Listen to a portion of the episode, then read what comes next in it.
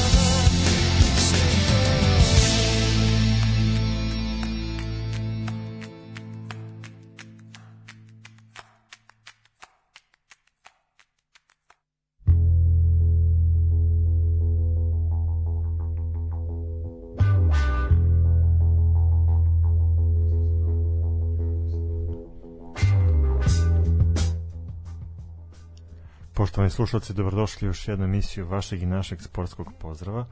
74. put se družimo i mogu da kažem stvarno u jednom prijatnom i ugodnom ambijentu. Ovo večerašnje izdanje bit će posebno po tome što nam u gosta dolazi jedan funkcioner kluba i to moram da kažem predsednik kluba, pa će ova emisija biti posebna baš zbog toga što smo eto podigli lestvicu kada su u pitanju dovođenje gostiju. Foteljaš, što bi rekli. Da, foteljaš. A pa vidiš, to je to. Prošlu emisiju smo pričali o jogurtu i bacanju jogurta, sad imamo foteljaša, to je to. Napredujemo. Napredujemo. Ko će tu čas da najavi gosta? Pa eto, ja mislim da bi to trebao ti da uradiš. A, da, to je moja ovaj uža specijalnost. Mada ja mogu samo da kažem eto, da smo ponovo izvukli iz šume nekog. da. dobro, dobro, jeste, tako je. A da nema veze sa, sa futbolskim klubom Balkan iz Mirjeva. O, druga šuma je u pitanju. Uh, tako je, znači sa moje leve strane, a sa tvoje desne strane, a tu se negdje Tanja nalazi, koja će se malo kasnije obratiti, uh, Miljakovački Robin Hood, uh, humanitarac, poeta, prijatelj srpskog naroda, ovaj, predsednik futbolskog kluba uh, Miljakovac, bivši futbaler i član Voždovca i ako još nešto nisam rekao, zaboravio, on će ponoviti i dodati. da, čovjek ličan Novaka Đokovića. Da, da, čovjek više, da, pa liči više na figuru Novaka Đokovića nego što Novak Đoković liči na nju. Ovaj, tako da, Jovan Simić je naš gost večeras, dobro reči, dobrodošao. Dobro reče, hvala. Meni je drago što sam konačno tu, jer mi se dogovaramo za gostovanje ovo, ja mislim još od letos ili ranije, Tako dakle nešto, nekih, da. ovaj, možda čak i devet meseci, tako da eto, hvala vam što, što ste me čekali i drago mi je što sam tu konačno. I nama još veće, još veće zadovoljstvo, ali posle ćemo se hvaliti, čekaj, polako, polako, nego kažete mi jesi ti došao vozom? Nisam, nisam. Zašto? Ni sad promotivni period, 300 dinara čoče jeftinije nego gorivo. Pa ja od voza imam traume još kad sam kao dete išao do Užica ili do bara dole na mori, to je trajalo nekad po 24 sata, tako da nisam mogao da rizikujem, ali ovi generalno čujem da je super priča i da su promotivne cene karte, tako da... Da, 300 dinara zaista ozbiljna, Da. mislim ono, ozbiljna promocija. A A, vidi, za pola sata si tu čoveč, pa duže bi tražio parking po... Tako ne, ako baš nekad ne budem imao šta da radim, ono, probat ću da dođem sa vozom u Novi Sad. Pa to je to da se sučiš sa traumama. Jeste, bukvalno. Zna se kako se pobeđuje strah. Tako je, tako što se suočiš sa njim, naravno. Ovaj, dobro, e, 74. put, drugi put ovaj, neko iz Miljako, Miljakovačke šume je tu među nama. A, ajmo kratko prevrteti ovaj, našu, našu ligu, naravno uz Jovanov stručni komentar ovaj, kao funkcionera i bivšeg futbalera, a onda ćemo svakako se posvetiti priči o FK i ŽFK e, Miljakovac. E, kad smo kod Super Lige, eto, um, mi smo prošli put ispratili tu utakmicu koja se igrala u petak. Da. Ali ono što smo najavili, to je bilo svetsko prvenstvo u atletici i moramo da pohvalimo stvarno sve ljude koji su radili organizaciju ovog uh, veoma bitnog događaja, a i posetioce koji su napunili halu i koji su eto pružili podršku našim atletičarima u pokušaju da ostvare što bolje rezultate. Tako je, sad tek vidiš koliko je zapravo bilo tužno, na primjer što olimpijskim igrama ovaj, u Tokiju nije bilo publike, jer sad ispada da je to dvoransko prvenstvo, ok, jeste to dvoransko prvenstvo sveta, sve to stoji, ali aj, trajalo je tri dana, ali koliko izgleda kao ozbiljnije takmičenje u odnosu na olimpijske igre gde je ono bilo kao trening je otprilike izgledao, a ne najveća smotra taj, ovaj, Mislim, ja sam to osetio iz prve ruke jer sam bio u, u, u Tokiju i bio sam deo našeg tima kao presata še, tako da ovaj, jest, bi, bilo je tužno, ali to je sad tema za ovaj, emisiju celo jedno, jer celo to iskustvo je tako masivno i spektakularno, ali a, da, da je bilo još i navijača, te olimpijske igre bi zaista bile onako malo je reći spektakl ozbiljno. Pa definitivno pali u senci baš tog koronavirusa i svega toga što se izdešavalo. Eto, ta situacija sa navijačima je samo dodatno pogoršala da možda te olimpijske igre ne budu toliko medijski ispraćene Pa na kao kraju ranijih će se ostati zapamćeno samo ko je uzeo koju medalju i to je to način na koji se došlo do njih se neće, neće toliko pamtiti. Mada ovaj, znaš ono kao je bila je neka makar nada da će možda pustiti ovaj, jel, Japance, da makar ono domaća publika da može prisustvuje, a na kraju nije bilo, nije bilo toga. Kažu da je šteta zato što je jedno od najbolje organizovanih zapravo olimpijskih igara u poslednje vreme. Pa jeste i to sa domaćom publikom se desilo tipa 20 dana pred, pred početak ili krenulo da se pogoršava situacija sa koronom u Japanu, pa su oni morali da reaguju malo i politički, jer su se ljudi tamo bili prepali, dolazi puno stranaca, šta će biti, da, da, tako da je sve to bilo ove, nekako sklepano, ali stvarno infrastruktura je bila toliko impozantna da je, da je stvarno šteta što je bila prazna i ti bazeni, i stadion, i hale, to je, to je, to je zaista bilo sjajno i ove, ako su negde, mislim, naj, naj, naj, da kažemo, najteža ili ti najgora zemlja za nas gde je moglo da se naprave te igre u tom uh, režimu COVID jeste Japan, jer su Japanci mnogo striktniji i tu nema, ako ti padne maska ispod nosa, uvijek će da te opominje neko. Mi smo bukvalno skidali masku samo kad smo ručali ili spavali.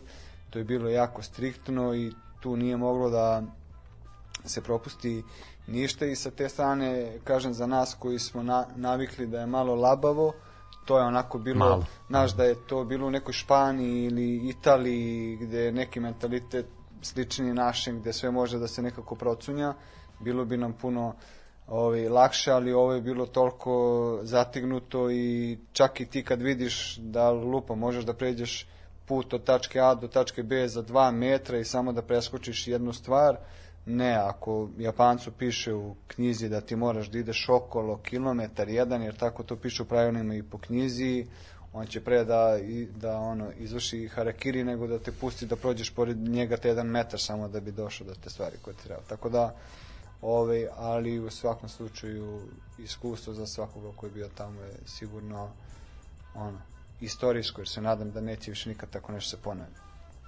To je odlazak na olimpijadu ili pandemija. to.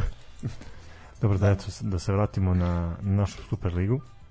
Kao što smo već napomenuli, u petak se odigrala utakmica koja je otvorila ovo zvanično kolo. Uh, utakmica između TSC i Proletera, rezultat 2-1 u korist ekipe iz Bačke Topole. Da, pa mi smo taj meč pratili ovaj u programu u petak.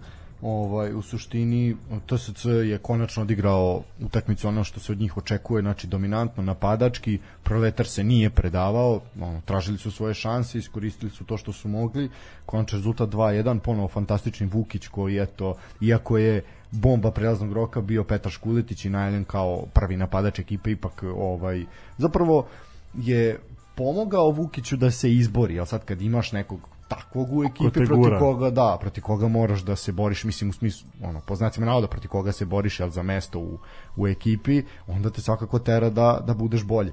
Tako da Vukiću zaista svaka, svaka čast, a što se tiče gostiju iz Novog Sada, onako probali su da se trgnu, postigli taj gol u 78. minutu, ali to je bilo to, sve u svemu važna tri boda za ekipu TSC. Da, a i nastavak krize za Proletar vidjet ćemo kako će to, kako će to dalje, dalje ići.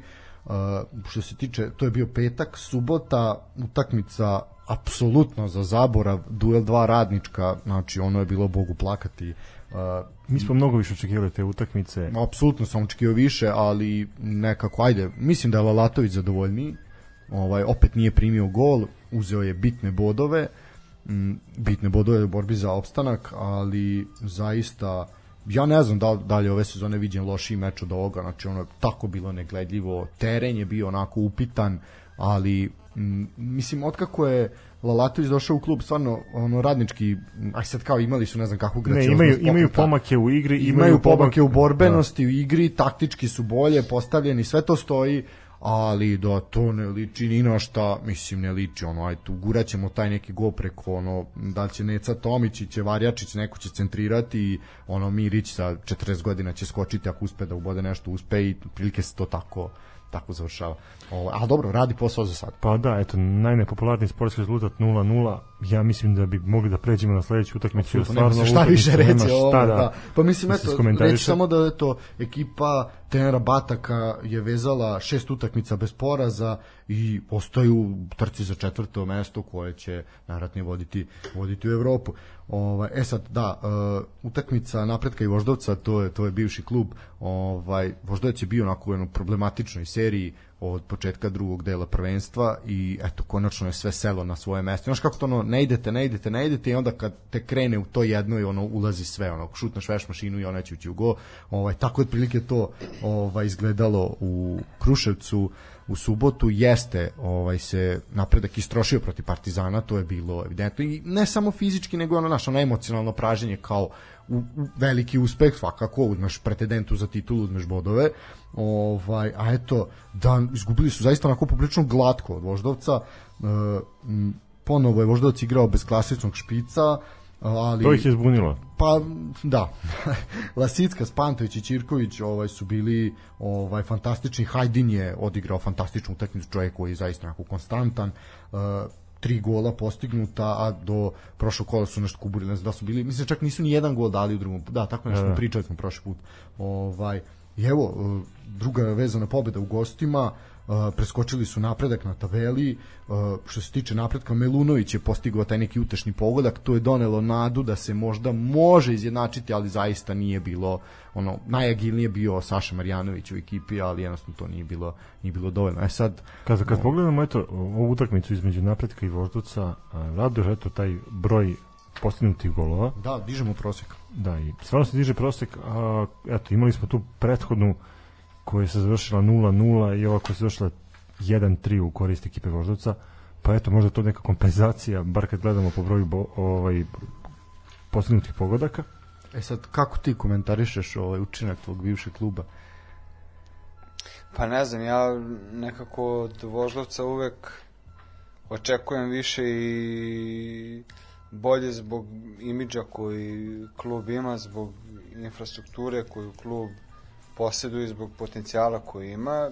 Jednostavno klub trenutno sad se oslanja na neke futbalere koji su mlađi, koji, koji očigledno ovaj, potrebno je vreme. Potrebno je vreme i očigledno cilj kluba nije da se uključuje za, za borbu u neku, neku veću priču od, od osiguravanja opstanka.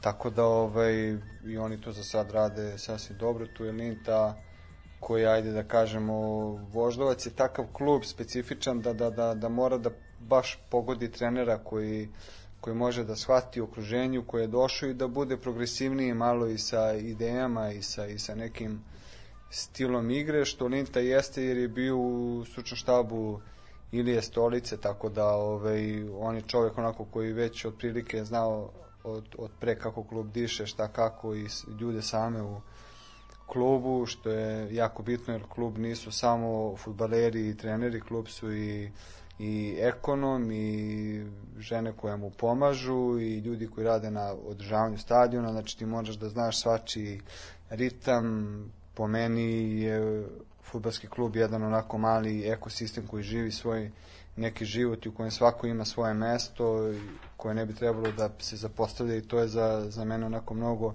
šira priča, kažem, Nita to poznaje ovaj, i on sasvim solidno radi to, verovatno što se od njega traži, a to je da se ostane u ligi. Pa eto, Voždovac napreduje ka play-offu, pa ćemo vidjeti da li može da izgura tu borbu. To bi svakako možda značilo i neki postrekt za narednu sezonu, ali definitivno klub koji zaslužuje mnogo veće ambicije, bar kad je u pitanju uh, eto funkcionisanje, kao što se već napomenuo. Svakako oni imaju dobru ekipu i to su mladi momci koji dobiju svoju šansu i koji pokušavaju da izvuču maksimum.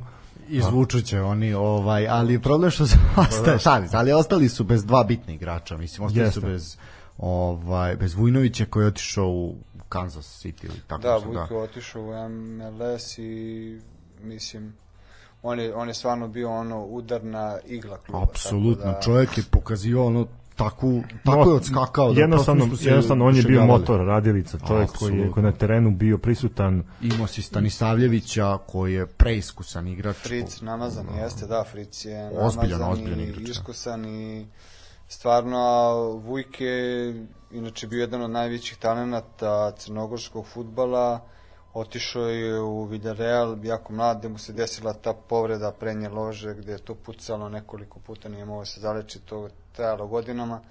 Tako da, ovaj, eto, ali mi je drago što nekako je kroz Voždovac uspeo da se opet Rehabilituje, da rehabilituje, prikaže dalje i eto, na, nadam se da će u MLS-u onako da se stabilizuje i što da ne može da napravi još, još nešto više, jer on je stvarno paklen Ne, o, ozbiljan, ozbiljan igrač, znači Da, da. takva tehnika, tako brzo razmišljanje. Mislim, ne bi, ne bi završio u Villarealu da nije znao ništa, Tako mislim, to, tako to svakako. E, u tom idemo dalje na utakmicu koja se odigrala u Novom Sadu između ekipa E, Vojvodine ono i što si ti Čukaričkog. rekao da neće biti 3 plus, svi kako je došlo, lagano, moglo je biti više. Ovaj, ja sam gledao utakmicu. meni je žao što eto ti ja nismo imali priliku da odemo na A, ja na sam, stadion. vidi, razmišljao sam, ali ono, završio sam s poslom u subotu i kao, a ne mogu kao, moram da danem dušom, a je ono tipa i Hajduk je igrao, još neke utakmice, utakmice su se tu igrale i onda kao, aj ono, naš pratit ću paralelno više stvari, ali je zaista bila jako, jako dobra utakmica. Uh, kad si neutralan, uh, bilo je jako puno šansi. Prvo je počeo u prvom polovremenu onako dosta iz 3-4 šansi iz kornera je bilo, i imali su jedni drugi. I onda e, prva sporna situacija gde je dosuđen penal za Vojvodinu i Matić je ovaj put bio precizan. Ovaj Bojan Matić je postigao pogodak. E, onda još nekoliko spornih situacija i u jednom i u drugom kaznenom prostoru. Ovaj put sudija je ostao ovaj nem. Međutim, ono što je zabrinulo sve prisutne kako na stadionu, tako i ovi kojima je Vojvodina bliska srcu, a to da nije bilo Čovića nigde, ni na klupi, ni na terenu, i onda se saznalo po samom sa- završetku meča da je Čović prodat, znači prodali su najboljeg igrača u ono najkvalitetnijeg sigurno. Pa ovoj ekipi. igrače koji ih je vuko. Apsolutno čovek koji je M najiskusniji tamo bio, M ovaj pa i najkvalitetniji. Uh, prodao otišao je čovjek u Kinu, ovaj naravno on će naplatiti svoje dobre igre, to je njemu lično ovaj svaka čast, to je, on, on je to zaslužio, tu nema priče, ali Vojvodina ostaje onako pred ozbiljne borbe za plasman, a pre, su pred ekipom, a ostaješ bez najiskusnijeg, najbitnijeg igrača, ono najbitniji šraf u, u ekipi, tako da ne vidim ja nešto svetle dane ovaj u Novom Sadu, ali ajde vidjet ćemo možda možda ekipa Dragana Radojičića pokaže nešto drugo. U suštini jesu napadali, jeste najavio ofanzivnu igru, bila je ofanzivna, ali jednostavno Čukarički je bio bolji, prvo NDA je, vidi, lopta je prošla, centar šut, znači kroz peterac niko je nije dirao, a bilo je četiri igrača Vojvodina u petercu, čovjek je dočekao Zuno u gol, kraj, e, i posle Rakonjac u 78 Rockov je proplivao, nije dobro, ono, krenuo je na loptu, međutim nije bio siguran i ovaj čovjek je pogodio već koji gol u nizu, ono, ni, ni ne prestali smo i da brojimo, tako da nema šta, Pa nekako bio bolji. čini mi se da Čukarički na iskustvo malo. Jeste, bolje su bili. u. Znači, na, na M su u dobroj formi, M su, ove što kažeš, na iskustvo, zaista već oprobani, oprobani recepti. Veljko Simić je bio definitivno najbolji pojedinac u ekipi Vojvodine, ali sam nije mogao i to je to. Sve u svemu biće, biće problem pet uzastopnih poraza, šta da kažemo, ono, ispašće u zonu play, play-outa. Pa dobro, vidjet ćemo ima još dva kola pre kraja regularnog dela, pa ćemo vidjeti kako će Vojvodina da se kotira nakon ta dva kola. A, idemo dalje na utakmicu koja se odigrala u Subotici između ekipe Spartaka Da. i Novog Pazara. To je Isto je to jedno od, da. od iznenađenja kola. A definitivno, definitivno s tim da to je prva pobeda Novog Pazara ove sezone u gost, na gosti, na gostujućem terenu, uh, ali zaista u ono pred 5 minuta pred kraj meča uh, zaista onako neka slanka spasa ovaj u Novom Pazaru i nismo mi verovali, mi smo i tipovali da će Ne, ja sam bio Spartak- prilično siguran da će Spartak uneti tri boda. To sa kvotom 1.75 bilo je poprilično očigledno da će dobiti. Međutim, Veliko iznenađenje. veliko iznenađenje, ne znam odakle ovaj momcima iz Novog Pazara toliko energije i toliko željeva, pogotovo ostali su bez trenera. Ovaj Tomislav Sivić je tu preuzeo ekipu pre par kola, onako da li on tu nešto, da li je tu kliknulo ili je ovo bila čista ono puka sreća, pokazat će se. U suštini Nemanja Nikolić je lepim golom u 12. minutu dao ekipu prednost, Mustafa Mujezinović je znači jednim fantastičnim solo prodorom u 42. da bi onda Vahid Zimonjić u 87. doneo onako prvo jedan lep udarac sa distance, a zaista slavlje igrača Novog Pazara, ovaj mislim da nekako je delovalo naš ono da su igrači Spartaka ono kao svi ne znači nam ništa ono ajde odradit ćemo i deluje kao ma naš ove ćemo s pola gasa dobiti međutim to nije tako Naredna utakmica Mladost Lučan i Metalac. Lepotica kola, definitivno. Ovo je najbolje. Šest golova. Šest golova. I ravnomerna podela bodova.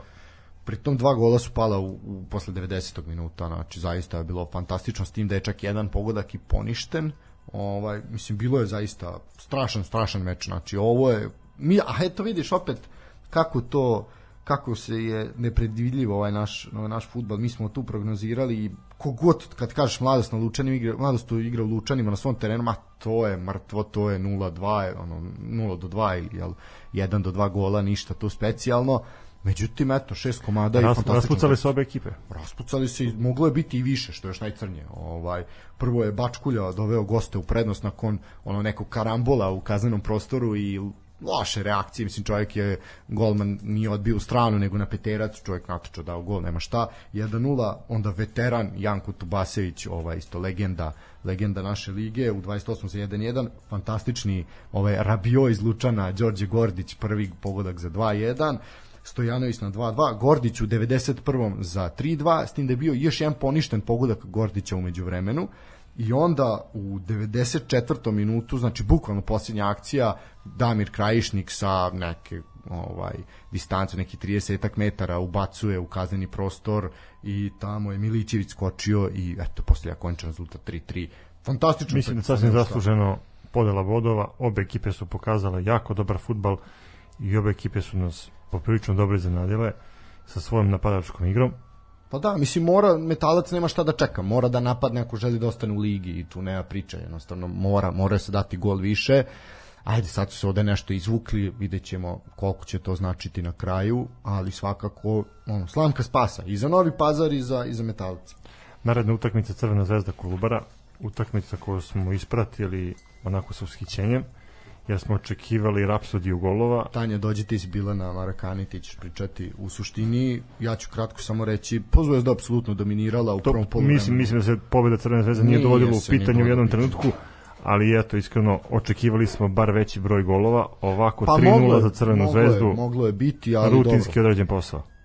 Prvo je Ben u 20. minutu, zatim Rodić jednim jako lepim i snažnim pogodkom u 45. na 2-0 i onda Ohi posle jednog onako divne kombinatorike za 3-0 u 70 minutu, ali evo Tanji malo red, pošto sam ja presušio. To je bio ona iz, izvečao sa licu mesta. Da, da, ona je bila ovaj, ovaj put na licu mesta. Čeče, više, sad ide na više utakmice nego mi. Gotovo.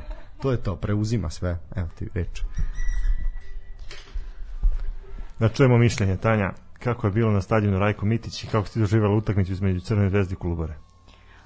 Pa, pre svega bila je jako zanimljiva utakmica za gledanje meni bare. Prvo je velika promena, pošto sam u četvrtak bila da gledam Rangerse protiv Crvene zvezde i ta galama i sve to što je bilo na stadionu. Sudar, sudar dve policijske ekipe. I, da, i ta bukvalno ludnica i u tih prvih 30 minuta od strane zvezde i sve to što je bilo tada i otići onda posle tri dana na Kolubaru gde je bilo mnogo manje ljudi gde kada nisam bila na severu nego na zapadu sad vidim da je zapad zlata vredan nije bilo toliko ni galame, niti su navijači pravili neke probleme ili bilo šta slično, tako da je stvarno bilo milina za gledanje. Zakasnila sam na prvih desetak minuta jer je stvarno bila gužva i nisam mogla da nađem parking, a i tamo kad sam stigla na stadion, taman je pao i taj prvi gol i moglo je biti i mnogo više golova od, od ta tri s obzirom na to koliko je Zvezda stvarno napadala i u prvom i u drugom polovremenu mada mnogo više u prvom tako da je 3-0 i malo s obzirom koliko je moglo još da bude. Sve u svemu bilo je zaista interesantno i lepa atmosfera je vladala na stadionu i s obzirom da je bio i besplatan ulaz, dosta ljudi je i došlo da gleda utakmicu, tako da sve u svemu meni se dopalo i da sve češće idem sad na utakmice, zarazili ste me šta da vam kažem, tako da to je moj neki utisak. Nama je drago što smo uspeli da zarazimo, obzirom da smo pričali kako je futbol veoma zanimljiva igra i kako jednostavno stvari koje se tiču naše Superlige imaju dodatnu čar. Uh, ona utakmica koju smo mi ispratili neposredno pre početka ove naše emisije, to je utakmica u Sudulici između ekipa Radnika i Partizana. Očekivali da. smo dobru utakmicu, to, to smo i dobili. dobili. To smo i dobili. Ne može se reći da je lepotica kola, nije, ali je bila poprilično ozbiljna utakmica i ono zapravo radnik to pruža uh, ove sezone protiv večitih rivala, to je pružio protiv Partizana, uh, ozbiljna, ozbiljna ovaj ozbiljna ofanziva, u suštini uh, poveli su 1:0 preko Milovanovića, on je bio on je bio ovaj strelac prvog pogotka.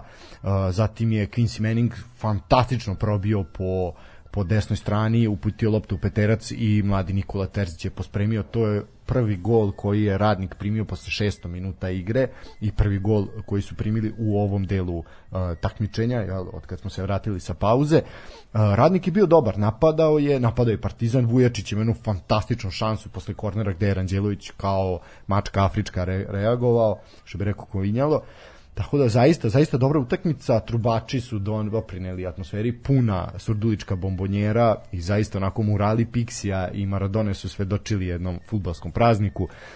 Nakon toga, drugo polu vreme, Partizan ozbiljnije stisnuo gas i parni valjak na kraju gazi radnik golom Ricarda. Fantastičan čovjek primio prvo spoljnim delom stopala, prebacio na jaču nogu, šutirao sa nekih 17-18 metara, u bliži ugao Ranđelović poprilično straš, ovaj jak udarac precizan nije mogu tu Ranđelović ništa ovaj tako da konačno 2-1 Eto, radnik ima na kraju da u 93. minutu da, su imali priliku za inačenje. prosto a- uveli prečku i zatim s peterca su šutirali van okvira gola ovaj tako da Zanko Stevanović se samo srušio na srušio na zemlji kao dobro je preživeli smo i u suštini da preživeli su ali dobro Partizan mnogo mnogo konkretniji da su ovako odigrali protiv napretka iz Kruševca kada smo ih kritikovali a, zaista sada još uvek postojala ta bodovna razlika između Crvene zvezde i njih. sve o svemu s ovim utakmicom završavamo za ovo Nikad kolo. brže ovo nismo uradili. Pa Nikad brže. imamo i razlog što ovo radimo. Da. Eto, okrećemo se, Znači, preznao sam se. okrećemo se narodnom kolu Čekaj, i tabeli. Tabela, tabela, tabela, tabela. Uh, aj sad tradicionalno pitanje ovaj, za naše gosta, da li više voli od gore ili od dole? Može od, od ozdole, tu se kuva. Tu, Tu- tu, to, me, to me zanima. Dobro, ajde ovako, znači krećemo od dole. Ovo je prvi, znači, od kako smo počeli ove sezone, da... promenio si nam koncepciju skroz. da kreći sjebo se. Ovo Ovo je, je, da. dole je Lalat, dole je Pazar, dole je sad Žurka pro- i Ovo. vaši ovi iz Novog Sada, tako da daj da vidimo. Da, to, to su na... Mi, vidi, vi ste naši, kako kažeš sad, mi smo oficijalni ovaj, vaše kluba, tako da ovde se ne izjašnjavamo. E, ovako, na poslednjem mestu je Novi Pazar sa 22 boda, ovaj, skupili su malo bodova u posljednjih nekoliko kola, e, 15. je Metalac sa 24, tako da tu su, znaš, sad, može ja, se mene pobeći sad na... čudi totalno Metalac koji isto Da. slovi za totalno zdrav klub, za klub koji funkcioniše Dobro, normalno da. da. da da su dopustili da se bore za goli život. Verovatno nisi Jednostavno- pratio... Jednostavno imaju problem u u organizaciji Na- igračkog kadra. Na šta je bilo? Da, Oni su imali, evo ja ću da dobi- objasnim, mislim da, da sam onako apsolvirao Pa, metalac. pra, komentarišemo i konstantno, pa da, ono... biće da- Ovaj- ovaj, jesi, ja sam malo van. Oni su stvarno imali dobar sistem uh, Prošle sezone, sezone da. i išlo je u tom pravcu da se stvarno napravi jedan onako uh, dugoročan plan koji će borba za Evropu koji će metalacu omogućiti da da ovaj da ostvari dobre rezultate. Međutim desilo se da u prvih par kola ovog šampionata su zabeležili jako loše rezultate. Ali zašto? Zato što su par dana pred kraj prelaznog roka prodali tri najbolje igrača, otišli su svi napadači, znači nisi imao nikog, i onda je naš ono kao, a nisi nikog doveo, i onda je nešto spetljano došao je Nikola Furtula iz Spartaka, čovjek se plus onda povredi, pa je Stuparević. Stuparević je došao, da, ovaj, isto kasno, i naš sve tu kao nešto si ti pokušao da ukombinuješ, e onda su, jeste kiksnuli u prvih par kola dok se nisu posložili, e onda kad su posložili, onda su ih golmani zaklali jedno šest puta. Znači šest kola zaredom su čisti kiksevi golman, znači čovjek nije znao koga više stavi na gol. Po tri gola, tri, Tako znaš da, kakve men- greške su menjali su golmane iz kola u kolo. Znaš kad tri gola pogreši golman? I to sad nije ono kao naš ono birtijaško praćenje fudbala, a golman je bolji mogu. Ne, čovjek odbije loptu igraču na nogu, znači neshvatljive greške, propliva, baš onako van totalno neke forme koncentracije nešto. I ono, ne možeš ti dati toliko gola koliko možda primimiš i plus onda ih je krenulo, igrali su dobro, pa ih je VAR nekoliko puta zaklao. Oni i Kolubaros, ja mislim, mislim tim koji najviše puta su poništeni pogoci, nekoliko puta čak smo mi ovde gledali, bilo je neopravdano, znači nije bilo ovaj, dobro povučena linija, ko bi rekao da su Srbiji obično dobro izlače linije, ovaj, tako da naš, jednostavno se poklopilo. Onda je otišao Lazetić, došao je Miloje Žižić, onda čovjek dok se isto malo nije ukombinao, sad to počinje da liči na nešto, ali sad je pitanje dalje prekasno. Jeste šteta, ali klub sa takvim stadionom, sa, mislim, to treba da bude u Superligi, znaš. Pa, mi se nadamo da će opstati, bilo bi zaista grota da igraju prvu ligu, mislim. To Pa je- dobro, sad je prva liga jaka, vidjet ćemo. A srpski championship, kako da ne pričat ćemo i o njemu. Championship, da. Pa vidi, svako tuče svakog. Uh, ajmo dalje. Uh, tu je onda Lalat. Lalat je vezao ovaj pet, pet kola bez poraza, ovaj nisu primili gol od kako je on došao. Čovek je tri pobede, dva nerešena rezultata. Nema šta reći, ovaj 14 su sa 27 bodova.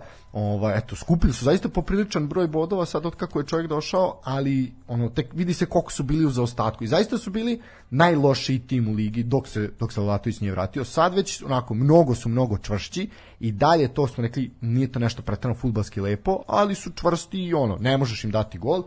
Oni su 14 sa 27, Proletar je 13 sa 28. To da tu su tu su ovaj jako male bodovne razlike. E, Proletar je u krizi, Proletar, ne znam, za bod Andrija Kaluđerović je izjavio prošli put da nikad u karijeri mu se nije desilo da, a igrao je ono na svim živim kontinentima, da u sedam utakmica uzme jedan bod. Nikad mu se Jeste, baš je čudno još oni su krenuli da postavljaju neku priču koja je zdrava, tu je i Kuzmanović, Brkić je došao, I Gojko Kačar. Kačar, znaš. Že, da, Željko Brkić je sad isto da pojača. Znaš, baš je, baš je ovaj, čudno. Pa doveli su nekoliko šteta. čak i ozbiljnih igrača, ono Džigi Ninković je ono vratio Jeste, se lepo jeste. igra. Kaluđerović je tu, vratili su i neki bivši igrače. Marko Jovanović je tu na primjer isto čovjek koji Da, šampiona, da. iz Banja Luke. Pa ne znam, eto kažeš ti, oni su krenuli da, da prave jednu priču koja je stvarno ono zdrava, ali očigledno nešto tu neštima, nešto tu fale. Uh, 12. je Spartak iz Subotice koji isto ima poprilično pro problema, menjali su trenera, ovaj, ali i dalje tu nešto neštima, mada su sačuvali okosnicu ekipe, znači svi bitni igrači su tu, oni imaju 31 bod, 11. je mladost iz Lučana koja se onako poprilično, bili su se u jednom momentu podigli skoro do play-offa, sad su se opet spustili, uh, 32 boda, 10. je Kolubara, najprijatnije možda iznenađenje u ovom play-out delu, ovaj sa 33 boda. Zaista su vezali nekoliko dobrih rezultata i ono u suštini je Lazarevac ne osvoji. futbal.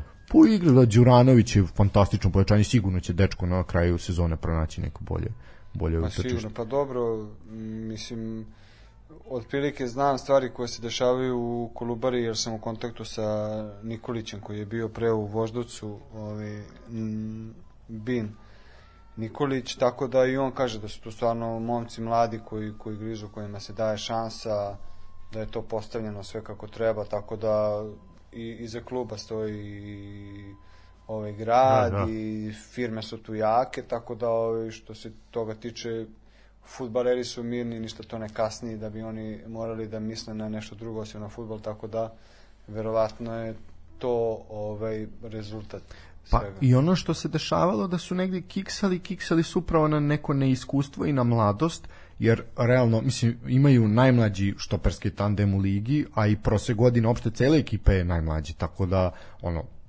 naš, jednostavno po, mora postojati to za tolerancije i to su stvari Bakić koje... je sad damo što pre, da? A, da, Da, da, da, jeste, jeste. Bakić, da, on je, da, on isto bio u Voždovcu, da, Baka je do, dobar štoper, leva noga, tako da, ali je mlad, on je 2001. ja Pa svi su, mislim, ono, baš su, baš su klinci, mislim. Jeste. Ovo, Ali dobro se nose sa, za Pa sad. vidi, to je, to im je životna škola. To, to će svakako Dobro. naplatiti vremenom. Bakić i jeste mlad, ali ovo mu je u Superligi, ja mislim, treća sezona ili možda čak To ti opet četvrta. govori nešto o našem futbolu Naš. i da smo mi razvojna liga Da. u suštini. Pa, da se ne lažemo, jesu. Pa, Naš. tako je, da, de facto jeste. Uh, idemo dalje. Deveti je radnik sa takođe 33 boda. Znači tu imamo sad nekoliko ekipa u par bodova. Uh, radnik, eto, prvi gol, pr, tačnije prve golove primaju u ovom meču protiv Partizana. Dobro su se držali. Ovaj, lepo je to sve izgledalo i ja ne brinem. Mislim da će radnik čak naći svoje mesto u play-offu. Tu zaslužuju da budu. Uh, osmi je napredak sa 34. Kruševac igra toplo-hladno, pet kola su sad ovaj, šta smo rekli, pet kola bez pobjede šest. Ovaj, malo pre smo spomenuli. U suštini ne sija, ne sija ovaj baš žarko sunce u Kruševcu, vidjet ćemo šta će biti i kako će se to izgurati. Imaju iskusnu ekipu, vratio se Melunović, Saša Marjanović je tu, trebalo bi, ovaj, Đuričković je tu isto, ono, trebalo bi da se izvuče, da ne bude neke grčejte borbe za opstanak. Dobro, vi- vidjet ćemo ovaj... Eto, Moram oni- pohvaliti teren u Kruševcu bio jako dobar, ovaj i stadion jako lepo izgleda, mislim u šminka, oni šminkaju ga redovno, tako da ono naš, ajde opet vizualno to lepo izgleda. Lepo izgleda i e, same tribine u Lazarevcu lepo izgledaju, teren bude onako, ali Mi smo pričali ono kad sam ja da. bio u Lazarevcu da mene, meni je to možda jedno od uh, većih iznenađenja kad je u pitanju Superliga. Prvo što je utakmica bila ovaj, jako dobra, druga stvar što je ta infrastruktura toliko urađena dobro da ono može da zadovoljava kriterijume Superlige i ono što sam više puta napomenuo je to što ljudi koji dolaze na stadion dolaze u obeležima klubare. Mm, Znači vidi se da je marketing služba jako dobro odradila uh, taj svoj deo i stvarno ovaj, meni je to jedan od prijatnih iznenađenja koje sam uspeo da Srpski Sassuolo. pa da, srpski Sassuolo, mi smo ih tako nazvali ali stvarno ovaj, nekako postali su jako simpatična ekipa Jesu. i radujemo se što, što eto, još uvijek imaju šanse da da opstanu u ligi. Pa ja verujem da će opstati. Mislim da tu neka velike isto borbe za opstanak i neke strepnje neće biti, bar tako deluje. E, pa to, to smo mislili, a onda smo videli prošle godine A ne, koliko vidi, naš srpski futbol može da bude nepredvidiv. To prošla Pa godina da, se nikad da, neće da. ponoviti. To ono, onakav cirkus mislim ali da evo više ga nikad radi neće. sad na pragu Srpske lige, ja to ne mogu da poverujem. Pa da. Ali o tome ćemo kasnije. Pričat ćemo o prvoj ligi, da, doći ćemo malo do toga. Uh, sedma je Vojvodina sa 36 bodova, pet vezanih poraza, ovaj, ako gledamo posljednjih pet kola.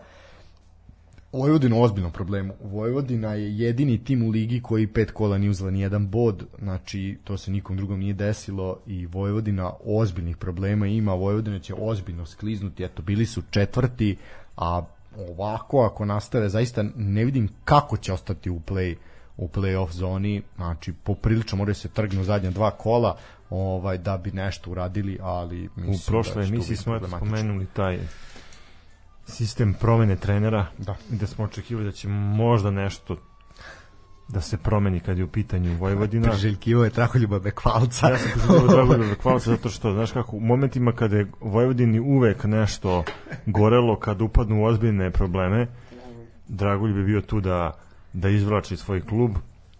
Eto sad da moramo da budemo Pa dobro, objektivni da eto ne, njega nema na na klupi Vojvodine. Pa dobro, tu je Dragan Dojičić, on je A. isto bivši igrač i ovaj trener kluba Vojvodina. Tako je, ali da- ako pogledamo ovaj unutrašnji konflikt uh, koji je trenutno na snazi u Vojvodini, da, što na nivou atmosfera oko kluba je loša. ovaj ja. navijača i i uprave što između same uprave uh, o pozicija na kojoj se Vojvodina nalazi može čak i, i objektivnija nego nego inače. Pa mislim da će ob- objektivno biti mnogo niže, ali ajde, ovaj, vidjet ćemo. Naravno mi to ne želimo i zapravo ne pamtim kad je Vojvodina bila u play, play, play outu tamo negde recimo 2005. 6. recimo tada ono ima jedna sezona je bilo kad se isto borilo nešto za opstanak ovaj tako nešto možda sam odvalio ali tu početkom početkom ovaj veka ovaj ali tad je zapravo klub i preuzeo Ratko Buturović i onda je krenuo taj uspon ovaj međutim sad je već jasno je da to već dugo nije nije tako. E, šest je voždovac. E gde ti vidiš svoj voždovac na kraju sezone? Pa, da li je realno da budu u play-off? pa ja mislim da, da jeste. Uvek se možda provuče nekako tu sa sedmog, osmog mesta da ostane u play-offu i mislim da je realno da, da će ostati i oni su na taj način svoj posao i završili još ako su predstavili javnosti nekog mladog futbalera koji je interesantan kao što su možda i Vezić, ajde da kažem. i Vezić poziv za reprezentaciju.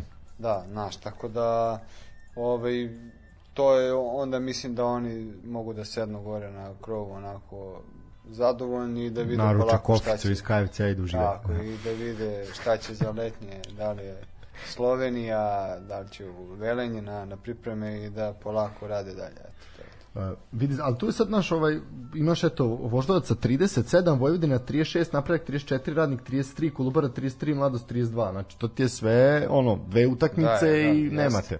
A jest. Sad ovih par kola će morati svi da budu na, na, na, na maksimum. Pa to je to, još bude dva, još dva kola i tu smo. Uh, peti je peti je TSC. TSC se podigao, ovaj mada su se isto onako bilo je na granici će u play-off, play, play-out, ali evo ih, ovaj peti su 38 bodova, nije još uvek sigurno to mesto u play-offu, ali ja mislim svakako zaslužuju tamo da budu. Da li si bio na novom stadionu?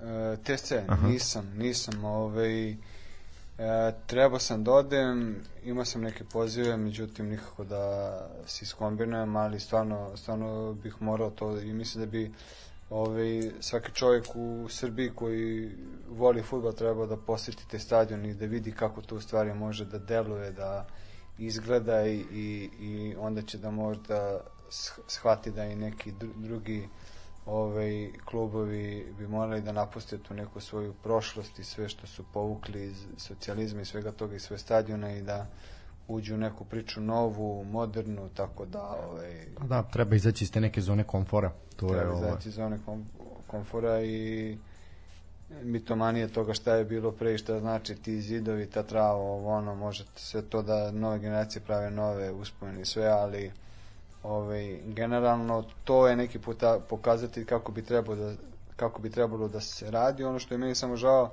što je realan trend da se prave sve manji i manji stadioni jer sve manje i manje publike dolazi, ali to može da deluje onako lepo i optimalno koji TSC koji voždovac. Mi smo ovaj, baš to prokomentarisali u petak kad smo radili emisiju, pa smo uporedu gledali utakmicu u Topoli.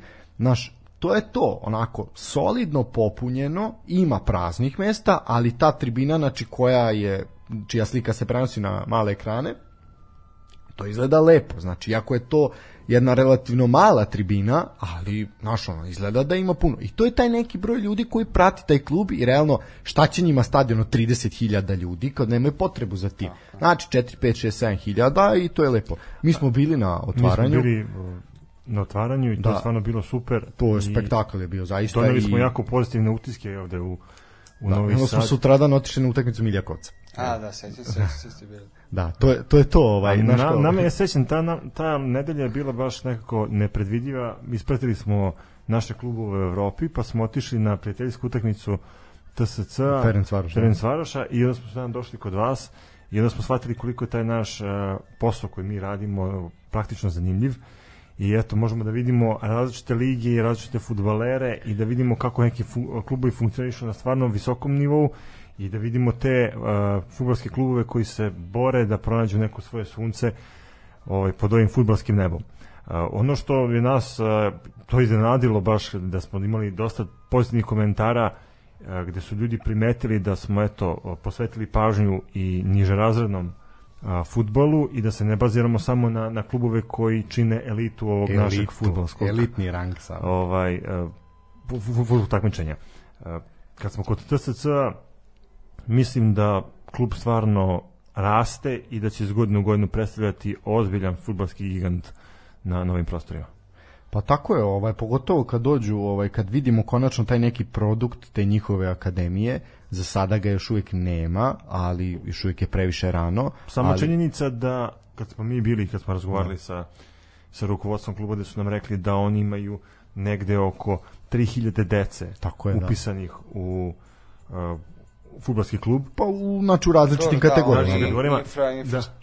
To stvarno predstavlja No. jedan zalog za budućnost da mi možemo da vidimo u kom pravcu TSC možda se razvije za, za narednih par godina. Pa da, mislim, vidi, prvo, to, je, to smo i čuli tamo, a onda i kad smo videli taj špalir dece pre same utakmice, onda kao vidiš i, ozbi, i žensku selekciju različitih godišta i mušku isto tako i onda kao vidiš, po, ovo je ozbiljno.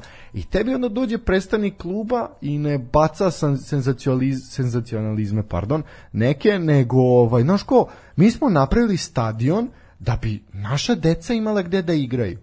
Znači, i onda to je to, znači napravili smo njima dom, da imaju gde da treniraju uslove, da dobre, da imaju, ne dobre nego vrhunske, da imaju gde da se mogu razviti, da onda danas sutra kad dođu u taj prvi tim, onda im to sve bude poznato. I znaš ono kao kad neko tako razmišlja s jednom takvom vizijom, onda ti kažeš, pa ipak može nešto da se uradi ovom našem futbolu. Jeste, ali moje mišljenje je da TSC neće moći da napravi mnogo ok. Oni su sad infrastrukturno super jer je to finansijski bilo potkovano i finansijski su stabilni i ok, ali ukoliko ne ulože u kadrove, ukoliko ne dovedu neke ljude koji mogu da ih podignu na više nivo, ja mislim da će da, da tabore ovde, a da imaju potencijala za mnogo, mnogo više sa poređenom koju imaju. Ovo- Tako ovo da, dobro Ima, rekao, je imali su eto da. tu epizodu sa Mladenom Krstajićem, koji je bio ali ja selektor ne naše... pričam sad samo Da, da, da, da, da, i na organizacionalno. Sve, sve, sve u klubu pogotovo Ali, ako i po- marketing isto koji, koji je pogotovo mreže koji su, znaš, ima tu potencijala za mnogo, mnogo, ali kadrovi pa. Za sad je to naš onako neki basic, ono nivo osnovni, ali ima, ima i mora biti. Ovaj, znaš kao mi smo bili, videli smo mi taj shop, razumeš? Ti kad pogledaš, znaš, koliko naših klubova ima shop, gde ono možeš ući i sad ću da odvedem dete i da kupim i da kupim šal, da kupim dres i tako dalje. Ili uopšte prvo i pre svega naš zamisli sebe, ovaj da li bi uzeo svoje dete za ruku i odveo ga baš na svaki stadion u Srbiji. Aj sad iskreno pitanje. Da li bi ono, znaš da ga ne bi vodio otprilike. Jer ima stadiona koji su zaista neuslovni. Tako je, ma ne, mislim, to je... Znaš, ono, ima, ima brate gde ne, ne želim ni ja da idem, a ne ono je, da tako je. vodim dete, jer će dete hteti i da piški, dete će hteti i kokice, dete će hteti i soki, znaš, sve to, mora to biti nešto ipak na nekom nivou. Zaista je stadion, to su je ono, porodičan stadion, to je ono što gledamo po Evropi i svetu. Tako je, i pokazati šan, kako bi trebalo stvarno se radi, znaš. Tako je. Ovaj, Idemo dalje. Ajmo dalje. E, Četvrti je radnički iz Niša sa 40 bodova. Radnički onako Prošli put smo citirali jednu ovaj istaknutu estradnu umetnicu na kojim način radnički dolazi do četvrtog mesta, ovaj kamen po kamen, ovaj palača, da, ovaj tako da zaista onako nije to nešto le, lepršavo, ali eto, u, ono 1-0, 2-0, 0-0 prođe se nešto, ovaj uradi se. Batak je i sam kad je došao rekao svakom utakmici prilazimo na krvi nož kao da je finale i zaista tako i tako i rade, tako to izgleda. Bore se znači svaka je posebna, svaka je finale za sebe i vezali su odlične rezultate, evo i podigli se do četvrtog mesta. Mislim da kad smo kod radničkog, radnički imao tu sreću da iskoristi neke svoje dobre ostalih. rezultate, a između ostalog i kikseve ostali konkurenta. Tako je. To je, to je istina, mislim, nema šta, ali to je tako, vidi, u, u, u sportu i u životu moraš iskoristiti, uzmi sve što ti život pruža, danas i cvet, sutra uvela ruža, to je, je tako, pa nema šta, nema tu puno filozofije. E sad, moje pitanje je kad tebi vezano za radnički iz Niša, ovaj, m, jeste i tamo je onako loša situacija, teren je popričan loši, stadion je onako priča se o toj rekonstrukciji i sve to, ali ajde kao gura se nekako, nešto se preživlja, malo bude neki šminkanja, pa opet ono se uruše slačionice, šta je bilo. Uh, mi smo imali anketu pre koju nedelju, sad već koji mesec, uh, kao, ajde recite nam top 5 najomraženijih klubova na Balkanu. Misli se na Exiju prostore. Uh, I nas je, nas dvojicu je poprilično iznenadilo koliko ljudi je glasalo za radnički iz Niša. Znaš, ono kao, je li moguće da je sad ovih zadnjih deseta godina koliko je sad vlast prisutna, ovaj, da je toliko ono omrza sliku radničku koji je zapravo jako gotivan klub kroz istoriju bio? Pa gotovo klub kroz istoriju jeste, ali jednostavno ljudi koji su danas personifikacije kluba očigledno nisu po meri lju- ljubitelja futbala. Tako da mislim da je to onako činjenično stanje i ne znam, ne znam šta bih rekao osim toga ljudi koji su personifikacija radničkog danas i koji istupaju u njegovo ime nisu baš po meri ljubitelja futbala. Da li bi ti mogu da navedeš svojih top 5 najomraženijih klubova na Balkanu? Top 5 najomraženijih kluba? Da. Pa ne bi mogao, ja ne mrzim. Nije da ne mrzi, ali ne, da kažeš najomraženiji u smislu nesimpatični. Ne, mi smo samo tako por- proformulisali da, da bi ljudi mogli da, Nesimpatični, da. Da glasaju, a između ostalog, da eto, na primjer, klubovi koji ti nisu simpatični. Da, mi smo, evo, na primjer, Ne, ima ih, ima ih svakako, ima ih svakako, ali, ali bi bilo neozbiljno da, da, da, da pričamo o tome kao da li kao možda će im pre... funkcioner, znaš, sad, sad sam na tom mestu, ima ih i više nego pet što da ne, ali Pa, bilo ove, je.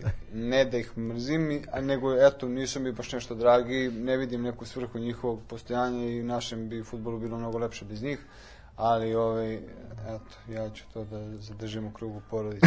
dobro, dobro, pošteno, pošteno. Ovaj, ne, bilo je, šta je, najviše odgovora bio Zrinski, Široki breg, Tuzla City, na primjer, Vojvodina, Radnički ništa. Ovaj.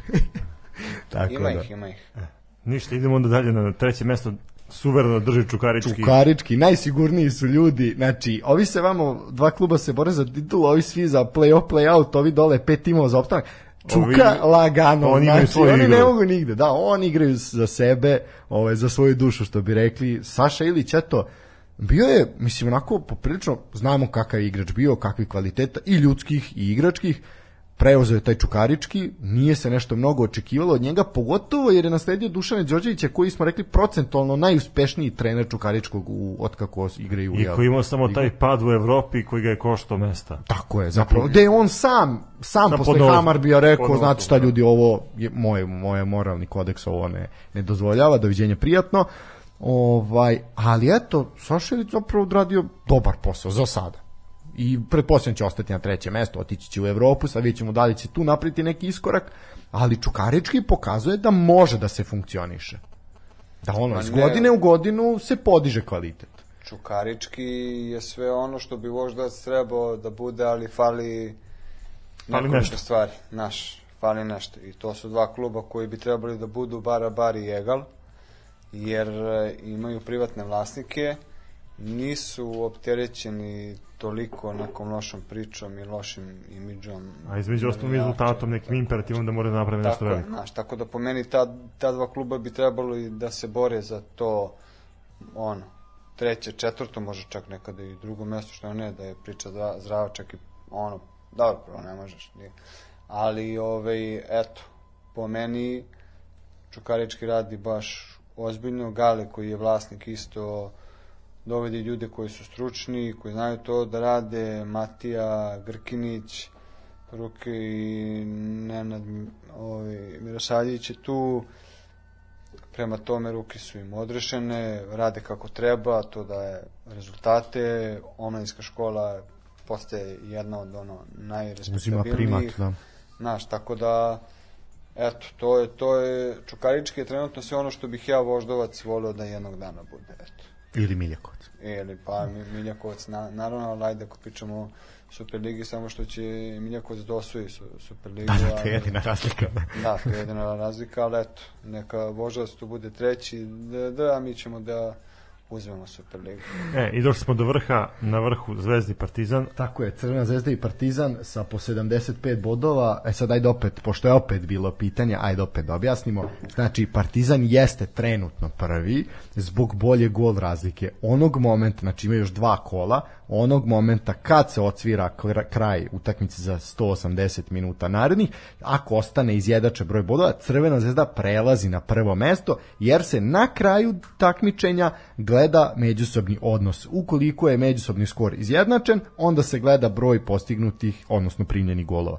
Tako da, ajde da, da to ovaj, razjasnimo, pošto zaista je puno zabun ima na društvenim mrežama, ljudi ne kapiraju u čemu je, u čemu je fora. Ali ajde što imaju zabune na društvenim mrežama, nego što i sajtovi koji se bave sportom i futbolom sad je posebno ne prezentuju to na način ako bi trebalo da prezentuju. Hoćemo priču o polusezoni, ali mogu da pitam čoveka to, pošto, mislim, ono, tu, znaš kakvih je bilo gluposti, moram da kažem gluposti, od ozbiljnih sajtova, neću ih imenovati, Mozart, ovaj, gde, ovaj, da, znaš kao, evo sad, moje pitanje, da li mi ne shvatamo ili oni ne shvataju, što bi rekao Đorđe Čarko, možda sam ja pametan, svi ostali su budale, ovaj, znači, imaš 30 kola, ako je polusezona, znači polusezona je na 15, je li tako?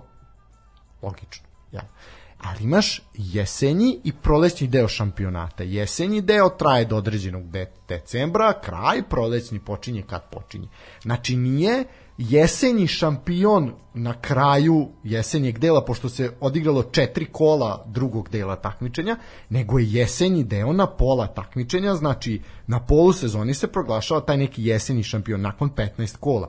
Znači, Partizan i Indija su bili jesenji prvaci nakon pola takmičenja, a onda smo mi odigrali još četiri kola jer se počelo ranije i onda, naš, kao ušli smo četiri kola u drugo, drugi deo takmičenja i onda je proglašena jesenja pauza. I onda su svi rekli čestitamo Partizanu u Inđiji jesenje pr, kao t- tituli jesenjih prvaka. Pa oni su pre četiri kola bili jesenji prvaci. Mislim, aj Ne, su ima, ko- ima to smisla, znaš kako bi bilo komplikovano sad čitocima pisati, e, sad mi pravimo presek ne 20. decembra, nego ovo što se desilo do 20. novembra, to gledamo, a sad ovo je, da, mislim, jeste, imaš pravo, imaš pravo. Aj, hvala Bogu da je neko rekao da sam končno u pravu.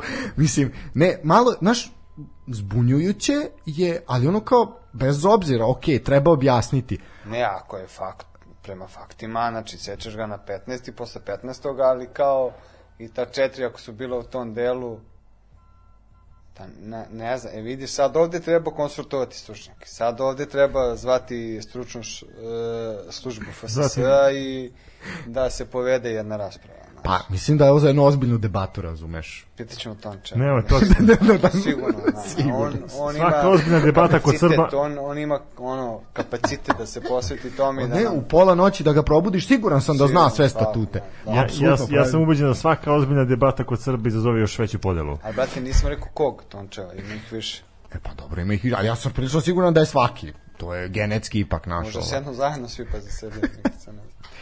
Dobro, e, imamo još dva kola do kraja. E, mi ćemo najaviti naredno kolo ovaj, koje će se igrati. Prvo ide sad reprezentativna pauza, to smo najavili. Da, naša Ovaj, reprezentacija igra 24. u Budimpešti protiv uh, selekcije Mađarske. I onda u Kopenhagenu protiv Danske. 29. da. 29. Mlada reprezentacija igra prvo, gde smo rekli, na kraju. reprezentacija igra na stadionu Voždovca 24. protiv Tako je. selekcije Severne Makedonije, Makedonije, a protiv i 29. Jermenije. uh, u Bačkoj Topoli na stadionu TCC protiv uh, ekipe Jermenije. Eto ti prilika da odeš u Topolu, da pogledaš, ovaj, mislim da, ako bit ćeš prijatno, zaista Ako me iznenađen. pusti žena, ako ne bude morao čuvam dete, tad idem sigurno. Slobodno povedi dete, bit će zabava za, za Eto oboje.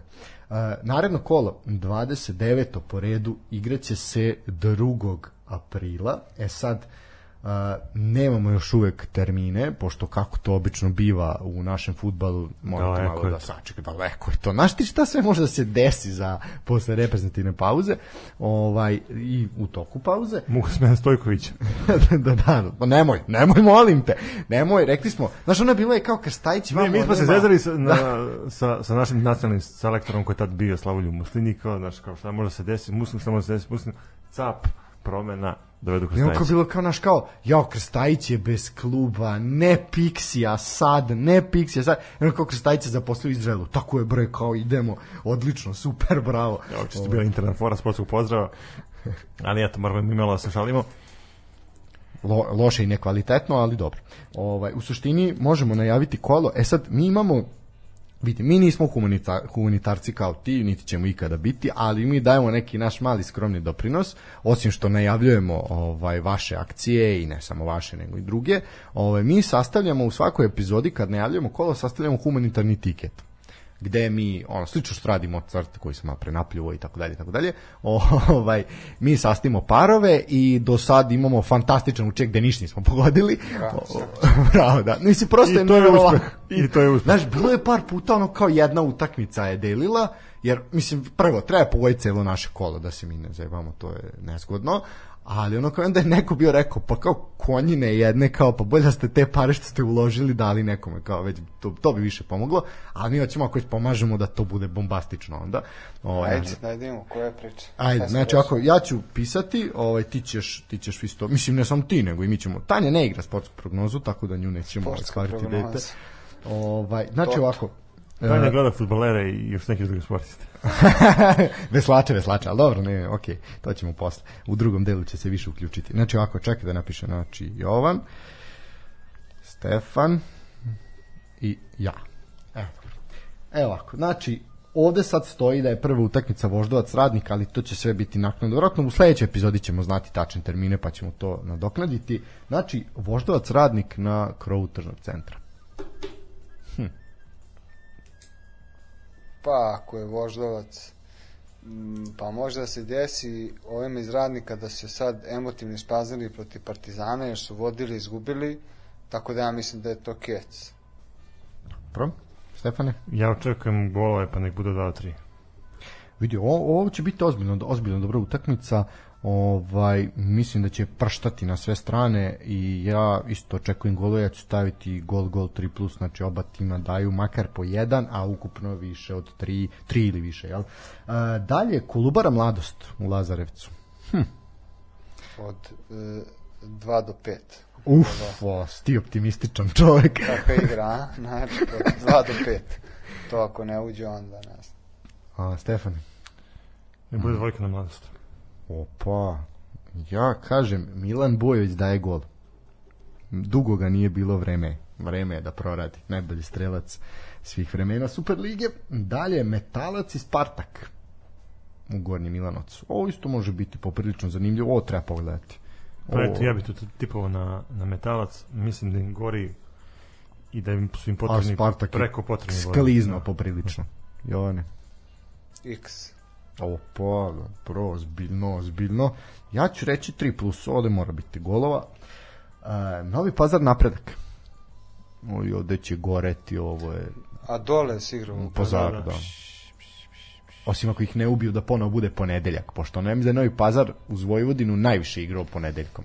A Novi Pazar napredak. Uf, pa, da će Pazar sad noše na krilima? A sad će da se ljudi dole nalože posle pobede doći svi pun stadion. Ne bude kec. šta? Pro, sviđa mi se kako razmišljaš, Stefane. Janix. Kecix to pro. Hm. Gol, gol. Ovo će pljuštat golovi. Uh, Partizan, TSC Bačka Topola. Evo, ova utakmica koja mora da se isprati. Jednostavno, Mislim da je vreme da Tanja ti malo odmoriš, da mi malo idemo. Zvini, mislim da je vreme. TSC može da napravi iznenađenje, ali vidjet ćemo, Ne verujem da će Žarko Lazetić uzeti. vidjet ćemo kako će biti Partizanu, obzirom da igra na, na svom terenu i kako će biti poseta na, na, na stadionu. Ali eto, Partizan je u ovoj utakmici za sad apsolutni favorit, što na tabeli, što igrački, tako da ću ja staviti uh, i tipovati na pobedu Partizana. Jovane. Pa Partizan isto, realno. On njima sad treba, to će sad da bude... Nema, nema, nema greške. Kec 3 plus moje. Mislim da će biti poprilično golova. Neće se to pola zatvarati, nije nikad protiv Partizana. Mislim Mada, da ako će bude branio Filipović za TSC,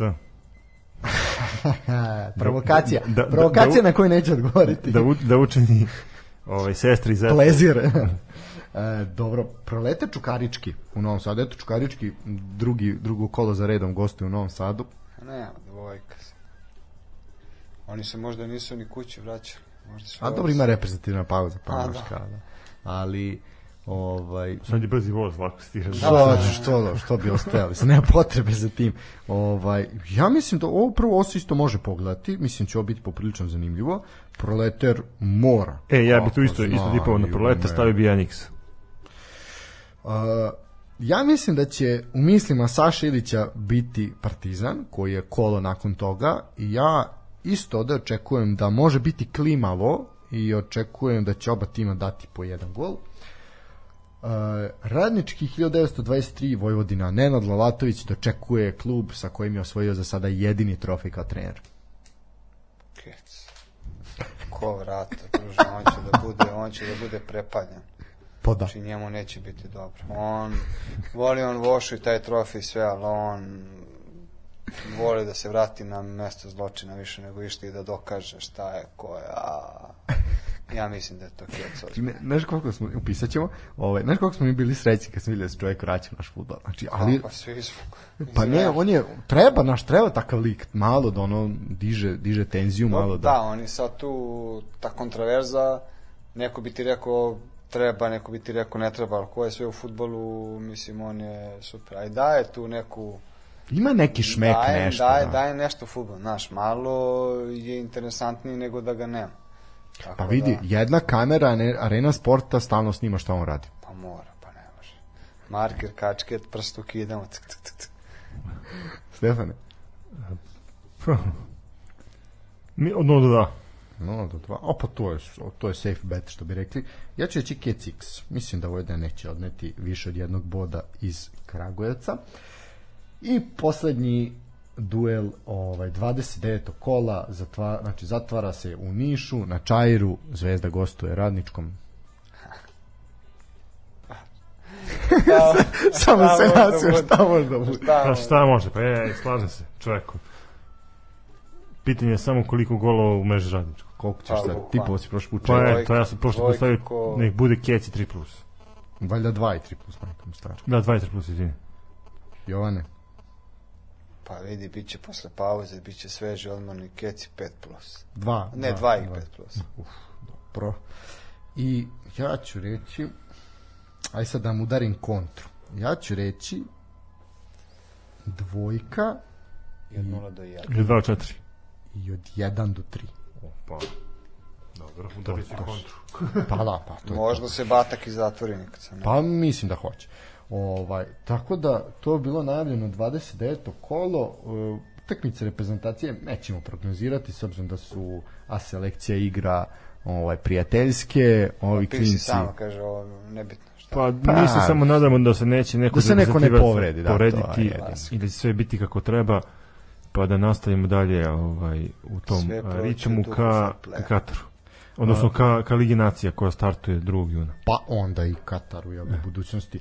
Mogli na pauzu. E, mogli bi, ja imam samo još jedno pitanje ovaj, za Jovana, rekli smo u posljednjem kolu će Lalatović upravo zvezdina noge na Marakani, Saša Ilić dolazi Partizanu, ovaj, tačnije Partizan ide Saša Iliću, ovaj, šta vidiš i kako vidiš ovaj tu borbu za šampiona do kraja? Ko je u prednosti?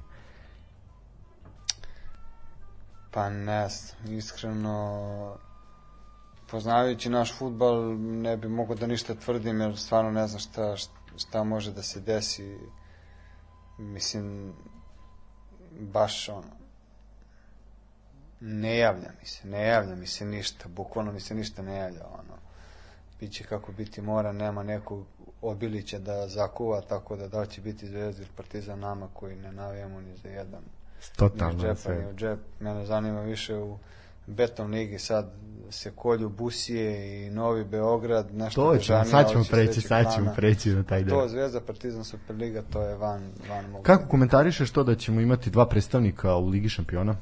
Upa, to, e, to je stvarno fenomen. To stvarno puno znači i, i da ono, i još ako bude neko direktan, ono, neko Pa ko tako je, deluje da će biti, da. Da, neko ko je umro pre 10 godina da ga podigneš, da mu to kažeš, on ti ne bi verovao. Vratio bi se nazad. Ali bukvalno bi se vratio negdje. Reinkarnacija, Vaskrs.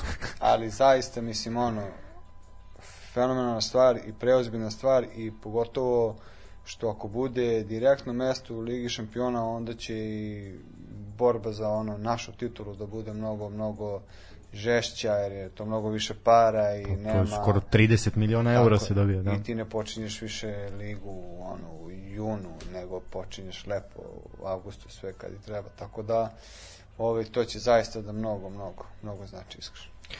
Da li misliš da je to realna situacija, da mi, mislim, po kvalitetu, po infrastrukturi, po svemu, da li je zaista realno da mi imamo dva predstavnika? Mislim, ok, nek bude jedan direktno, nek jedan ide u kvalifikacije, ne stazom šampiona, ali, ovaj, zaista, Znaš ti ne. šta bi ja voleo? Ja bi voleo da je to produkt uh, rezultata. Sistema, da, ne, ne, nego da, da, da kao uh, to je sve produkt rezultata Partizana i Zvezde u Evropi. Ali ja bih voleo da je to skup rezultata, lupam, TSC ušao u grupnu fazu Lige Evrope, Čuka je ušla u grupnu fazu Lige Evrope, Voždovac je ušao u grupnu fazu Lige konferencija, Konferencija, da. ova dva tima, Zvezda i Partizan su gore u, isto u Ligi šampiona, Ligi, znaš, i da je sve to, a ovo sve dva kluba rade i oni imaju najveću i podršku i finansijsku i sve, ja bih samo bih voleo da je to eto skup više stvari i više klubova, ma da je dobro i ovo, sad da li realno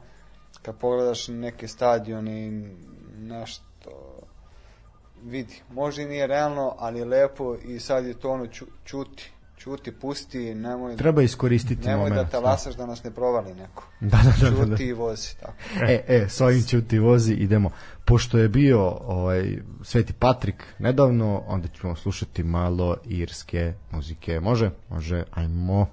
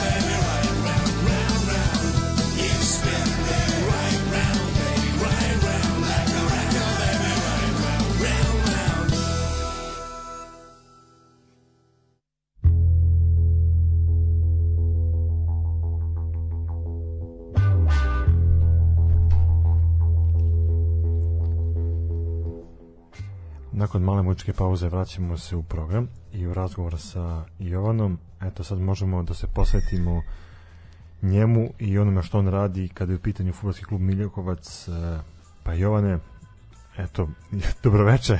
Dobroveče. Još jednom.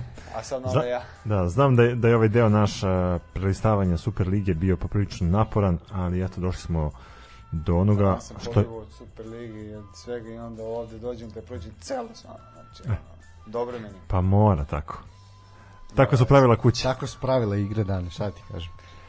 Idem kući da sanjam i surdulicu, i niš, i neška. Sa sve trubačima. Da. I, da. trubače, i neška, i predejane karantine, super, hvala. da, čovjek je ovako došao s Kenja, znači otiđeš pa gore. Da. Znači, strašno. Znači da smo uboli. To je to, pa to je to, mi smo, mi smo naš posao odradili. Depre. ovaj. E, E, sad, da, da budemo malo ozbiljniji da se vratimo. da, da, koliko je to moguće. jel? Prvo i osnovno pitanje, zašto Miljakovac? Pa zato što je to kraj u kojem sam odrastao i to je uvek, uvek sam ja kao klinac ono kad igraš PES ili menadžer pa napraviš kao Miljakovac pa praviš svoje drugove, praviš sebe i jedno, jednostavno sam u nekom momentu dovoljno sazreo da mogu to da, da, da napravim zaista. I drugo razlog je bio jer a, nisam video više u Srbiji klub ovaj koji u, u, u kojem bi želeo da radim, koji može da mi pruži to što meni treba, klub u kojem bi se ja ovaj, osjećao na svom nekom maksimumu i onda sam rekao ok, onda ću da napravim svoj klub. I to je tako krenula priča.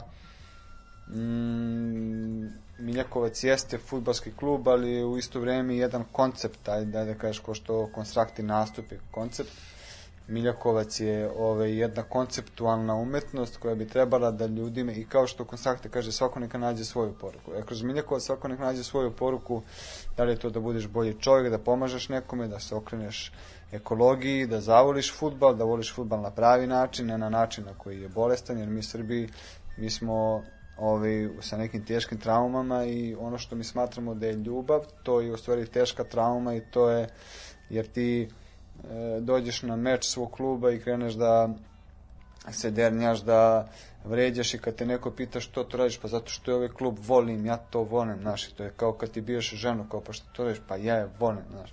Ne, ljubav je to da ti moraš da, znaš, kad je, kad ti voliš ti treba da zagrliš, da pomiluješ, da pričaš, da budeš nežan, razumeš, Is- isto tako kad gledaš futbal, kad pogreši neko, treba da ti reakcija bude bravo, nema veze, idemo dalje. E, to je ljubav. Ovo što se radi, to nije ljubav. Ali mi smo pogrešno naučeni kroz porodice, odnose s roditeljima, okoline, to je mnogo šira ovaj, psihološka tema. Ja sad pokušavam to da nekako kroz ovaj klub napravim da ne bude tako i borim se zaista i kad ima neki ispad ovaj, ja kroz priču sa, sa navijačima, sa futbalerima, sa, sa samim sobom pokušam to da ispravim, da bi mi bili bolji, da možemo da zahtevamo od drugih da budu bolji i jednostavno, eto, Miljaković je jedan koncept kroz koji ja želim da pokažem kako bi futbal trebao da izgleda, zašto bi futbal trebao da se koristi, čemu bi trebalo da služi i kako trebaju da, da, da se ponašaju svi činioci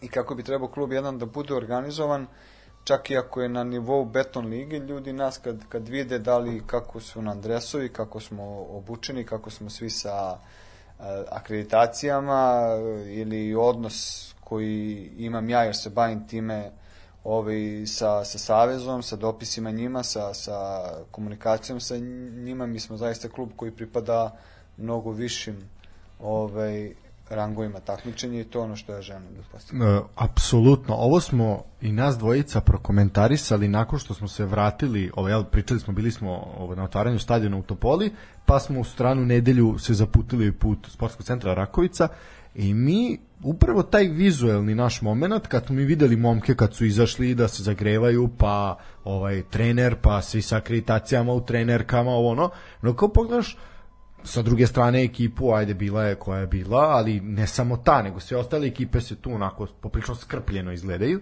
I on ko pogledaš, pa jebote, ovi ljudi su za nekoliko rangova vizuelno ispred, ispred ovoga. Znači, može se tu još sad, ok, treba doći do tih rangova, s obzirom da ste još uvijek mladi, realno, kao klub, ali da, vizuelno vi izgledate ozbiljno. Znači, usudio bih se reći na nivou prve lige. E sad, ono što, Pa mene, da. ono što mene zanima jeste, svaki početak je težak, koliko je bio težak vaš početak? Pakleno Sa, ko, sa kojim problemima ste se suočavali, e, kako ste došli do određenih sredstava, kako ste došli do nekog socijalnog kontakta, e, kako ste igrački se organizovali, kako je to bilo na, na nivou kluba, U mnogo, mnogo je pitanja, a, a, a svako to pitanje je toliko široko da, da ne znam gde da prekrenem. Mislim, što se tiče igračkog kadra, desio se taj prvi trening kao probni koji je bio humanitaran, koji je vodio stručni štab iz Voždovca, znači ceo štab je došao, bilo je puno momaka i to su sad momci svi većinom iz kraja, neki su došli iz drugih krajeva grada. I jednostavno se napravila grupa od 30 ljudi koja sad menjala se manje ili više, ali 80% momaka koji su bili na prvom treningu sad čine tu okosnicu tima i to su sad neki ljudi koji su igrali koji su ozbiljno talentovani, ali su zbog glave odigrali neozbiljan futbal celoga života, ili momci koji nisu nikada se ni bavili velikim futbolom, ali vole pa su došli, tako da ima svega i svačega. I početak je igrački bio težak da ti to namestiš, da, da, im, da, im, da im približiš ideju kluba, da mi ne želimo se svađamo među sobom sa protivnicima, s drugima, sve, da mi želimo da prikažemo jedan drugi futbal i to je jako dugačak put, jer kao što sam pričao o mentalitetu našem, ali ovaj, pa onda je tu to finansiranje, znači nama je, ja sam tad snimio neku reklamu za Jelen, onda u tom momentu sam ja osnivao klub, pa sam im u šlopu tog dogovora tražio i neke dresove za klub, pa su nam oni to izradili i ovaj, ostalo sve, moram zaista, ok, ja zaista nosim najveći deo priče i snalazim se na, za novac kako umem i znam na sto strana, ali ovi isto velika zahvalnost ide momcima koji su u timu jer oni e, se krpe isto za, zajedno sa mnom kad nam fali za e, sudije, krpimo se svako po 200 dinara, kad nam fali za snimanje meča, krpimo se po 100 dinara.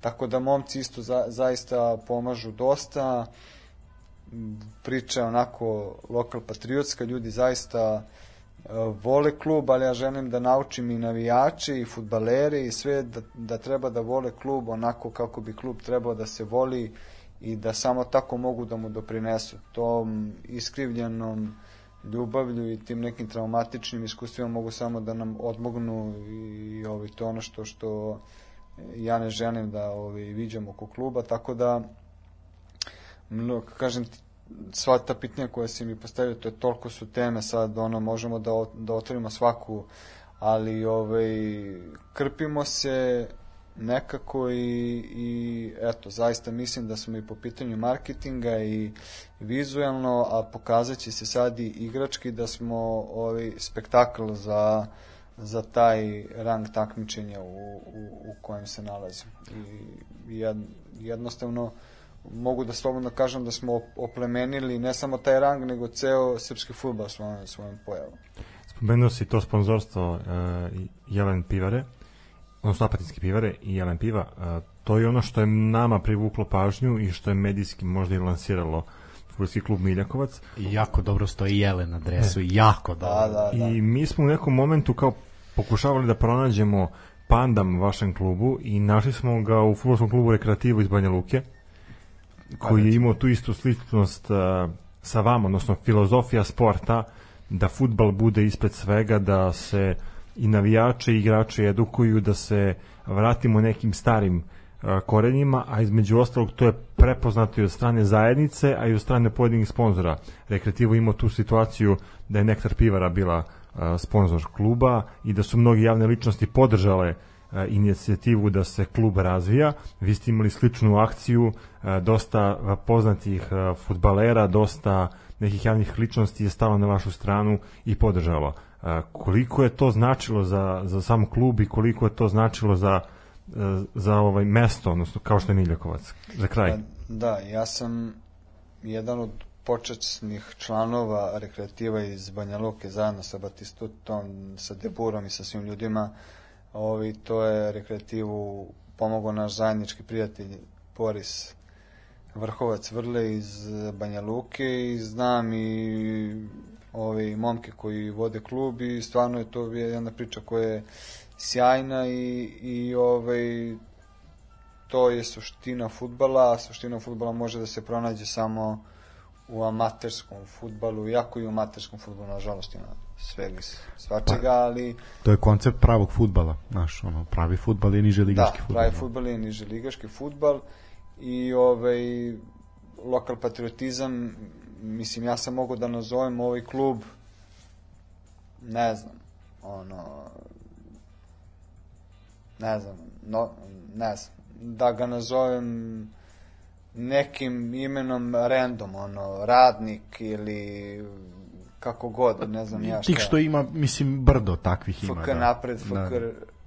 rekreativu, Jasno. ali sam znao da ako se vežem za svoj kraj da ću da probudim ljude na lokalu i to jeste bio cilj da prenesem jer ja obožavam engleski futbal i njihovu kulturu futbalsku koju imaju.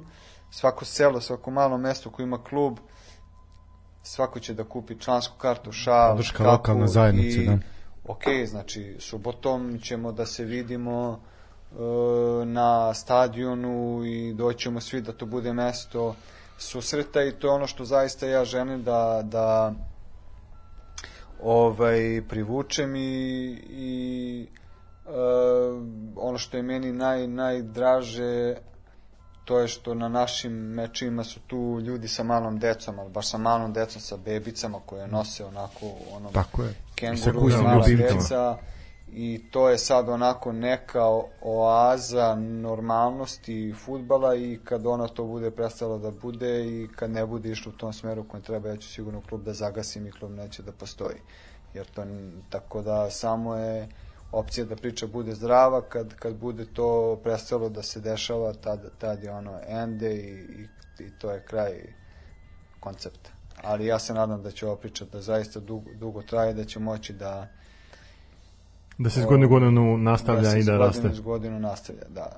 Pa to je ono što mi svakako želimo, ali ok, da, kažeš, svakako je to, ovaj, lokalna zajednica se bi trebala da se ide- identifikuje i u vašem slučaju to i jeste tako, ali znaš, i mi smo se identifikovali. Znaš, kao mi smo, eto, dva obična lika iz Novog Sada, koji je eto 120 km udaljen od Miljakovca, kao mi smo seli u auto i otišli kao, da, ali, znaš, osjećaš to nešto kao, ovi ljudi rade dobar posao, ovo jako lepo izgleda, ovo ima smisla i upravo je stigle, su stigle nekoliko poruka ovaj, gde su rekli kao svaka čast za objašnjenje za poentu navijanja. To je poenta navijanja, znaš, zbog toga ideš i bodiš taj klub koji god taj klub bio, gde god bio i gde se, u kom god rangu takmičenja se nalazio, ali da, znači, osjećaj pripadnosti, znači, ne treba navijati za nekog zato što mrziš nekog drugog ili zato što ovaj, ovaj klub trenutnog ima- uspeha. Pa da, ne znam, brdo trofeja ili je bio to i to u istoriji. Ne, nalaziš identifikaciju sa ljudima koji tamo dolaze. Mi smo, mi smo se oduševili, da, deca, eh, roditelji sa decom u kolicima, eh, sa kućnim ljubimcima dolaze, znači to je nešto što je onako poprično lepa slika. Još je ta ovaj šuma iza vas, onako i jedan poprično lep dožive. Teren je pristojan, ok, može, sve to, sve to lepo izgleda, ali opet kažem, vizuelno kad momci izađu, to izgleda lepo i onako, nama je bilo nekako puno srce gde smo eto sa najboljeg stadiona u državi u momentu, da kažemo najekskluzivnijeg, došli na najniži rang takmičenja, rekli kao, ali tu je, znaš, jedno i drugo ima priču, bez obzira što ste vi mi vam želimo da budete svakako gore.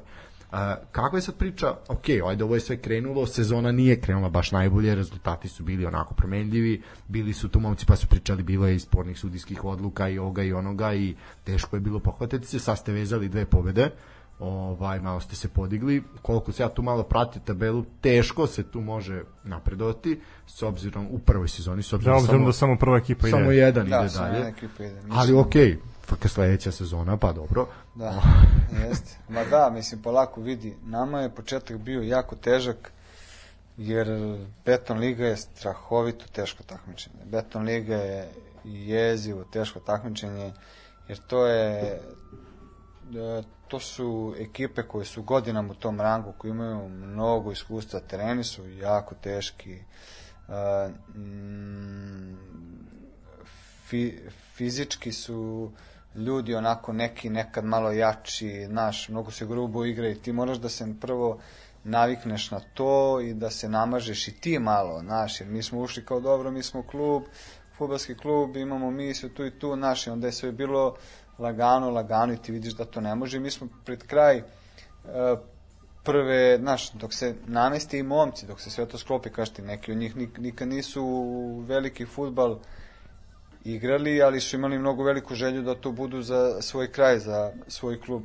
i jednostavno mi smo pred kraj prve prvog dela sezone krenuli da igramo ozbiljan futbol, baš ozbiljan futbol i tu su bili pobede protiv Rekreativa, protiv Sinđelića, Novi Beograd koji je lider na tabeli i sad i tad je i nam je pobego ono bukvalno sa znači u roku od 5 minuta mi smo prosuli pobedu zbog crvenog kartona, zbog našeg neiskustva, dobijemo karton, pričamo sa sudijom, pada ceo tim i to je krene naš, a imali smo ih, mi smo vodili, da li bilo 2-0 ili 2-1, na kraju puknemo 3-2 i to je bilo ono, svi smo plakali, sedeli, to je, to je haos bio.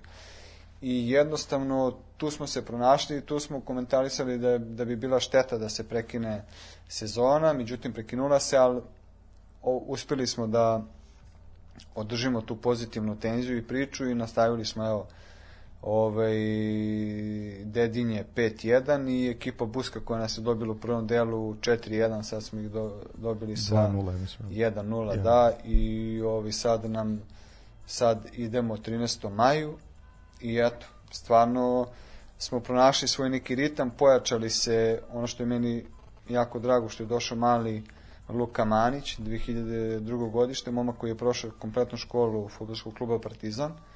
Ovaj, desni bek koji ti kad ga vidiš na terenu vidiš da on ne pripada tom miljeu i toj lige, to je toliko školovano, to je, to je, to je toliko potezi su školski da ta, on, znači on je produkt Partizanove škole, pa ti možeš da zamisliš sad kako on igra i šta on radi, razumeš? I Gde je bio problem s njim? Problem s njim je bio što se nije pronašao Partizanu, da, da ne pričam ja sad, nije, nije, nije to moje šta se dešava u Partizanu i na teleoptiku, nije se pronašao i momak koji stvarno bistar i pametan i ovaj, rešio da nastavi sa fakultetom, da batali futbal, ali je onda video Miljakovac, zvao nas i poželao da dođe, mi smo ono rašenih ruku. Naravno, to je da. nama pojačanje od milion dolara, razumeš, čovjek koji mnogo, mnogo znači, dete, dečko, razumeš, mladi. Tako da smo krenuli da nameštamo kockice i, i evo, to se sad vraća kroz rezultate, ljudi su na tribinama, dolaze, vole klub, prate, kupuju šalove, majice, jer se meni de, desi stalno da kad šetam kroz kraj, da ovaj, vidim neko da nosi kapu ili šal ili tako, a, To je a uspeh, ne znam to je čoveka, uspeh, a to je ne znam uspeh. čoveka. E, to, ono je, što- to je upravo ono što sam ja pričao za Kolubaru, Tako da je. vidim da je taj marketing e, sve prisutan, da ljudi žive za taj klub, da žive Jeste. za taj grad, da promovišu taj lokal patriotizam. Ja to uh, vidim i kod vas. Između ostalo, eto, mi smo ispratili koliko god smo mogli, eto, bili smo jednom na, na vašoj utakmici, ali Trebali smo i pričali, više puta, da, da. uh, pratili smo preko, preko društvenih mreža i stvarno za sad to deluje jako dobro. Opet, Kupili smo i mi šal, kupili smo i mi šal, nosi se i Jeste, po Novom Sadu da se zna. Dres nismo rešili, jel tako? Nismo još uvek, ali ga čekamo, pravili. čekamo. Kad bude, Mi- moraš. Mi nas. trenutno nemamo love, razumeš, a mi da bi Nemamo ni napravili... mi, žao mi je. Znaš, a mi da bi napravili dresove, mi moramo da kad ih uzimamo da im damo lovu, pa onda se jurimo s ljudima, a sad nam je budžet 0-0, jer smo poplaćali kotizacije, đavole, čanarine, registracije, savezu, šta sve nismo. Mi smo u debelom minusu, ako ti je lakše. Mi smo u minu, mi smo, ne na onda nuli, mi smo u minusu. Da ovi ljudi znaju, ako nas i slušaju, jer nas cimaju svi za dresove, ljudi, samo da stanemo na zelenu granu malo i rešćemo i dresovi, i majice, i šalovi, i kape, i benkice, i kolevke, i šta hoćeš, bit će. Kao TSC bicikl da prodajete. Pa to kaki bicikl, motor prodaje. Ovaj, Pa da, ali IML da radi. da, da, da, da. Da, IMR, formula. Ovaj. Znate da je prva jugoslovenska formula napravljena u Radničkoj Rakovici. Znači, bila je fabrika IMR, bio je rekord i DMB, e pa DMB ovaj, je napravio prvu formulu jugoslovensku, eto, tako da... A, kad smo kod toga, kad smo kod toga, a, ekipa sa elektrotehnološkog fakulteta, mašinskog fakulteta i tako dalje, ovaj i sa Fona i sa tu ovaj drumska strela, o tom se radi, to je srpski projekat Formula 1, ovaj traži zainteresovane studente da se prijave, da prođu konkurs i eto mladi studenti željni znanja, ovaj željni razvitka u takvim nekim ovaj industrijama i tehnologijama, tehnikama i tako dalje, ovaj mogu slobodno da se prijave. Eto to je sad kad si pomenuo to mi je palo na pamet, to je jedna lepa lepa akcija da se mladi ljudi ovaj iskoriste, da kažemo na jedan pamet, svoje znanje na jedan pametan način. A, humanitarne akcije. Mi smo ih ovde najavljivali, pričali i kad je bilo za decu, za ljude kojima je to svakako potrebno jako, pa do ove poslednje za Radakovića, za golmana, bivšeg golmana Partizana i reprezentacije. Ova, I ta jedna, meni je jako žao, mi smo planirali, trebali smo biti tamo, međutim, iskomplikovalo se, nismo na kraju otišli i moram priznati da mi je jako žao, jer taj moment kad on izlazi sa igračima na teren, to je nešto od čega sam se evo ja sad dok pričam o tome naježio kad se prisjećam te slike i pogotovo da su tu bili i Mire Radović mm. i Danko Lazović i to je onako i onda staneš i pogledaš kao jebote kao to je to to je to zbog toga treba da se igra ovo Pa to je poenta fudbala. Pa Znaš, poenta- nije, nije ne fudbal samo fudbala, 90 poenta svega, Nije da. fudbal samo 90 minuta. Nije Fudbal, samo- nije fudbal samo je bio nešto mnogo više. Nije ovo samo poenta fudbala, ovo je poenta, to je filozofija. To je jedna životna filozofija koja treba da, nažalost, ono što je, imali smo Darka Mitrovića, ovaj, tu je bio Dare gost i on je rekao nama kao ljudi su izgubili osjećaj za, znači saosećanje, humanost, uh, znaš ono, neku empatiju za drugog. E to ono što tvoj klub mogu reći i vaš klub i ono što ti, što ti radiš i pre Miljakovca što si radio. I to je nešto na čemu treba svi da radimo, ali nažalost naš premalo prostora za takve ljude kao što si ti. Premalo, ali vidi, to je sad opet duboka psihološka analiza gde ulazimo ljudi su ušli u mentalitet neke životinje koja se bori za preživljavanje, gleda samo svoj čopor ili svoju porodicu, kako ćemo da preživimo danas, šta ćemo da jedemo, kako ćemo spavati, kako ćemo... I ti jednostavno, tvoja čula za drugi ljudi, za druge probleme više jednostavno ne rade, razumeš? I sad ajde ti krivi ljude koji preživljavaju, znaš.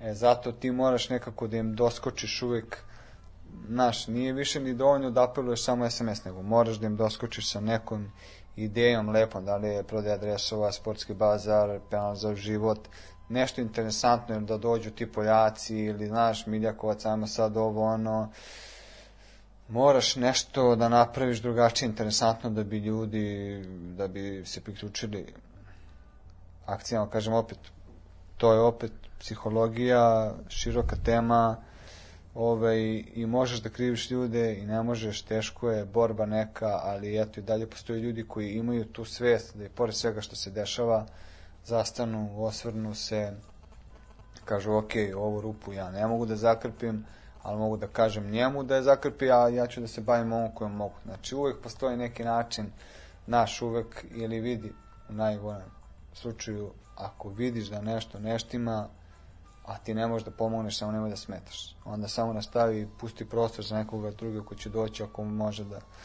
Tako da on... Prosto je, ali ljudi to ne vide.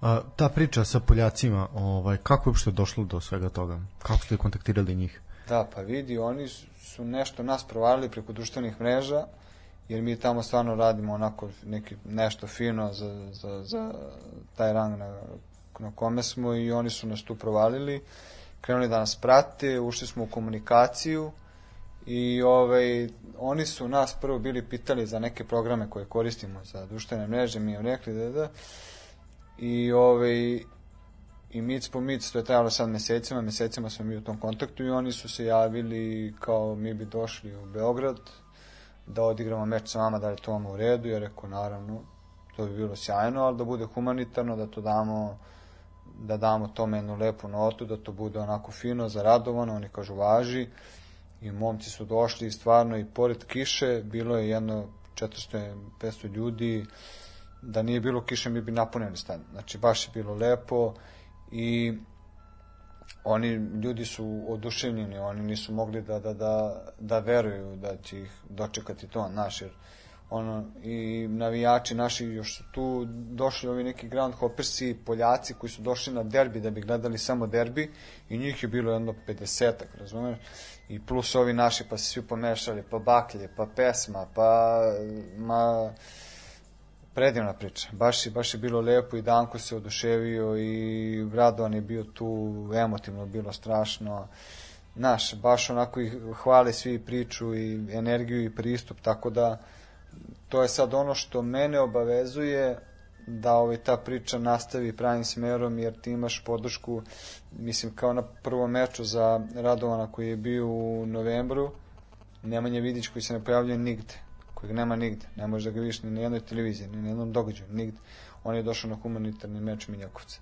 E to je taj kredibilitet koji ja imam, koji sam preneo i na Miljakovac i koji to ono što ja kažem, u momentu kad, kad priča bude počela da dobije obrise koja ne bi trebala ili bude krenula da ide van okvira koji su zdravi, gasi se, jer je taj, to, to poverenje nešto što ne smeš da izigraš nikad, znaš, i ja zato ovaj, i, insistiram na, na, na nekim normama ponašanja koliko god to može da se ispoštuje ovaj, i na tribini i na terenu jer ovaj, a, ako ne budemo mi mogli da budemo ono gospoda u, u većini situacija onda ovaj, to nema smisla. Tako da mi je stvarno drago što smo uspeli da napravimo jedan lep miks onako i sporta i društvene odgovornosti i ljubavi prema kraju i svemu onome što to nosi. Pa i priča o ekologiji je, mislim, isto poprilično onako zastupljena.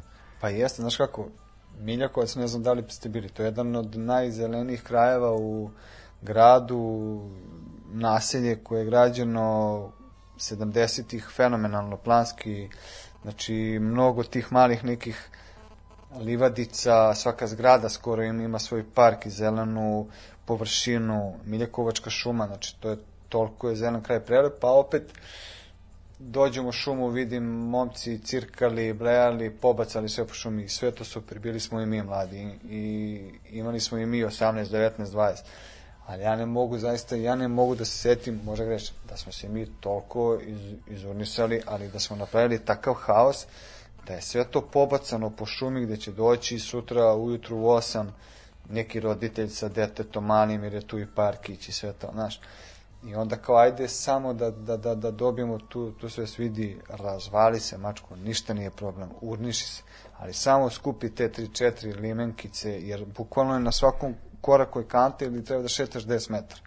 Znaš, nemoj ono, mislim, jedan, znaš, jer to se dešava stalno, ja sa čerkicom kad šetam tu po šumi, znaš, mi, ti sad tu detetu pričaš kako učiš je, e sad to uzmemo, sad bacimo kantu, to je đubre i sad ti s njom šetaš i kao, a što je đubre napao, a što nije u kanti, a što je, onda ti možeš pričati kako su čike bezobrazne, kako da zrezne, a, a, a, znaš, daj ljudi, baci to u kantu, nemoj da budeš čika bezobrazna.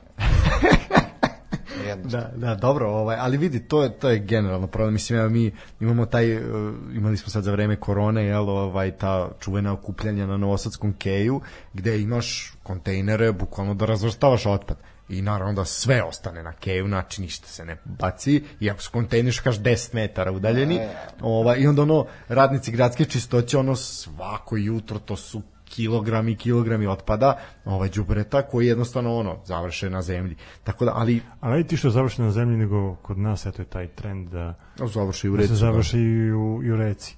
Ali Da, da, to- stvarno, mi smo se trudili i pokušavali da apelujemo na ljude da, da budu ekološki svesni, da između ostalog e, čuvaju ovu našu zemlju, jer ako je mi ne čuvamo, neće drugi Da. Neće čuvati. ni drugo da niko Ali vidite, a Srbin kad ode u Dizerdorf, Frankfurt, negde, znaš kako, neće da baci pikavac na, na zemlju, nego će da čeka da ide je kanta, znaš, a ovde duže, razumeš, ali je, mislim, ne znam, ne znam.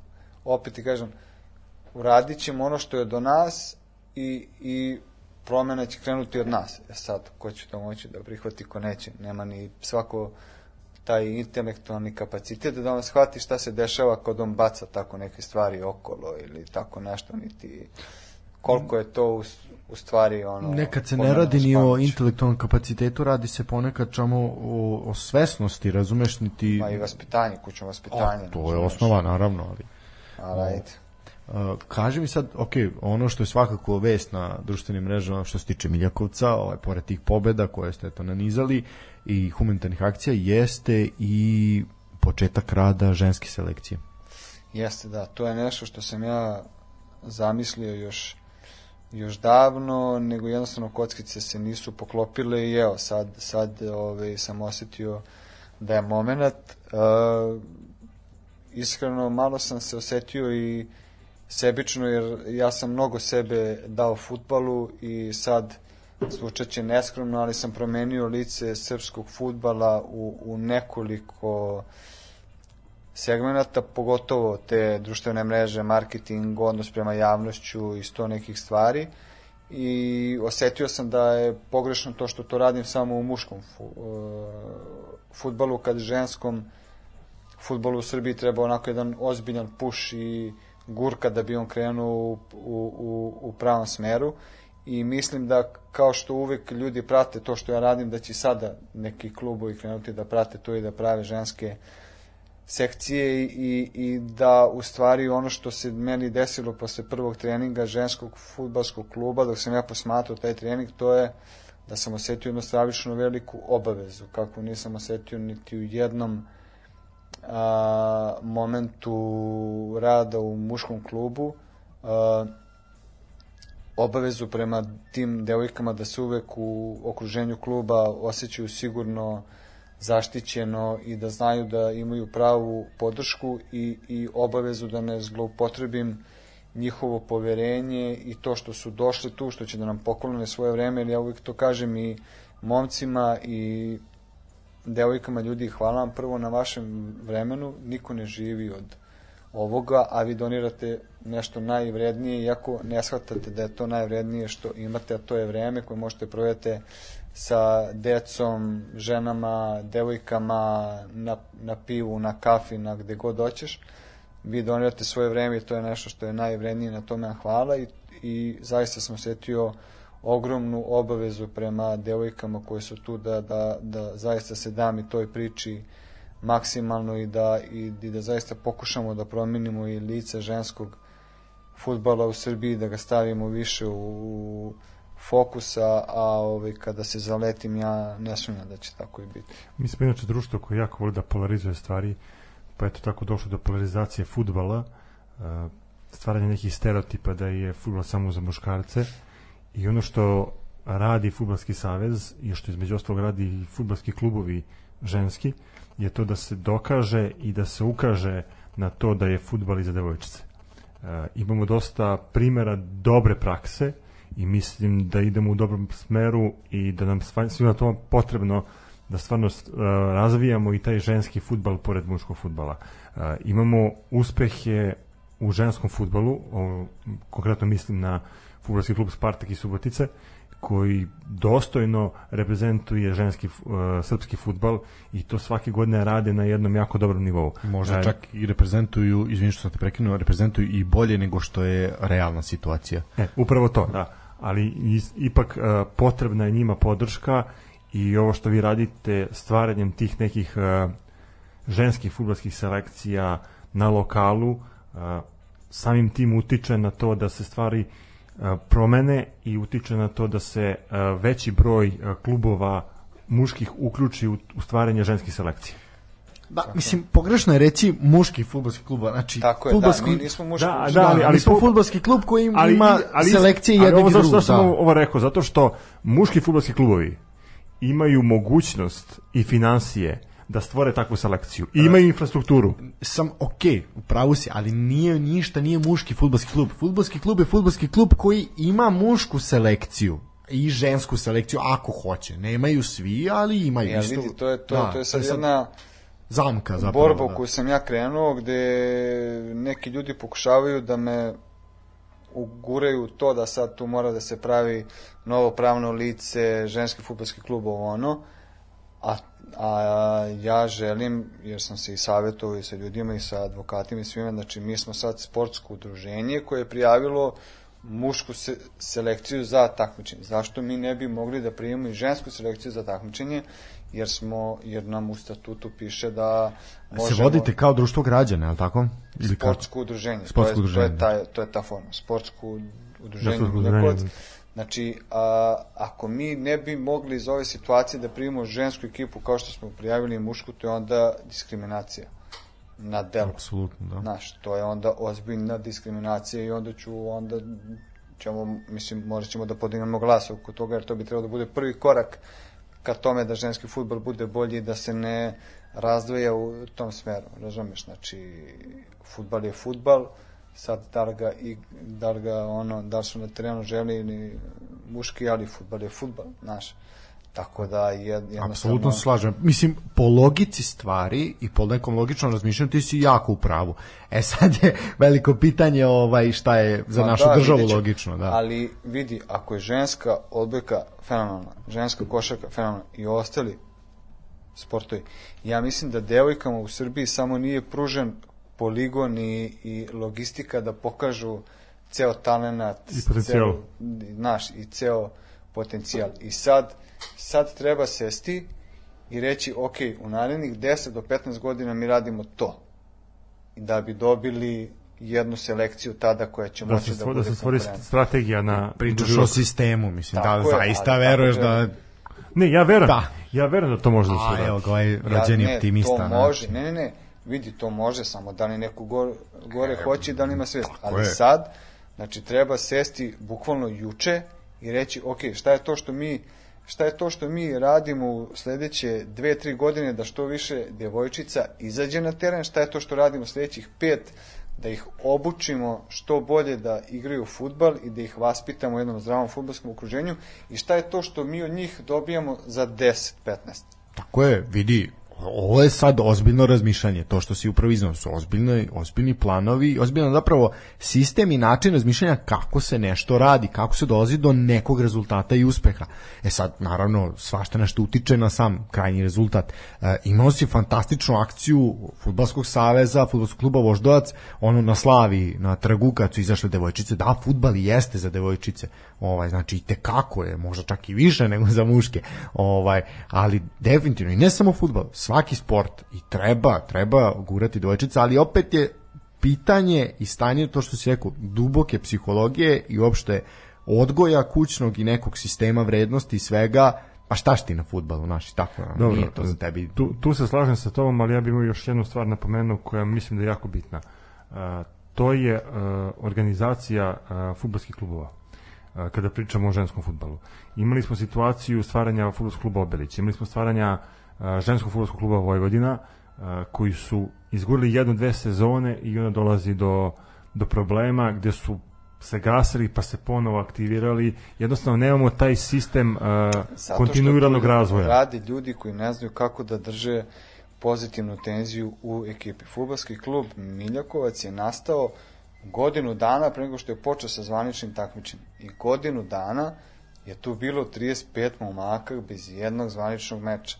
Dolazilo na treninge za nepostojeće takmičenje. E, igralo neke utakmice Protiv ambasade i smisleno, nešto, da. besmislene, razumeš ovakve i onakve, ali znaš, moraš da nekako držiš tenziju ekipi, moraš da im pružiš nešto za uzvrat, mi to radimo kroz humanitarne akcije, ali nije to primarni cilj da bi mi njih sad održali, nego jednostavno se poklopilo da je to stvar koja im prija i koja ih drži vezane za klub, pa pravimo neke interesantne mečeve, dolaze nam ti bivši futbaleri, skupljamo se i ono što je jako bitno, mi se kao ekipa viđamo, pijemo kafe, sedimo, naš, to je jedno društvo, nije kao mi se skupimo po futbal, nego naš, mi živimo ono, jedan život sada svi zajedno, tako da e, jednostavno mislim da je problem što tu ne postoji osoba koja, koja se bavi njima, naš, koja, koja će da učini sve da tih 20 e, devojaka, 25-30,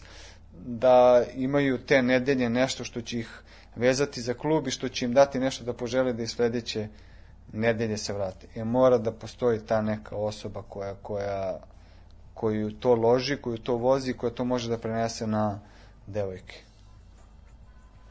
Apsolutno, ali ja mislim da je problem, ovo što je Stefan rekao, je problem što su se te ekipe oslanjale i na mm, podršku lokalnih samuprava, gradskih vlasti i tako dalje i tako dalje i to je jednostavno onda nije naišlo na razumevanje i zamrlo je.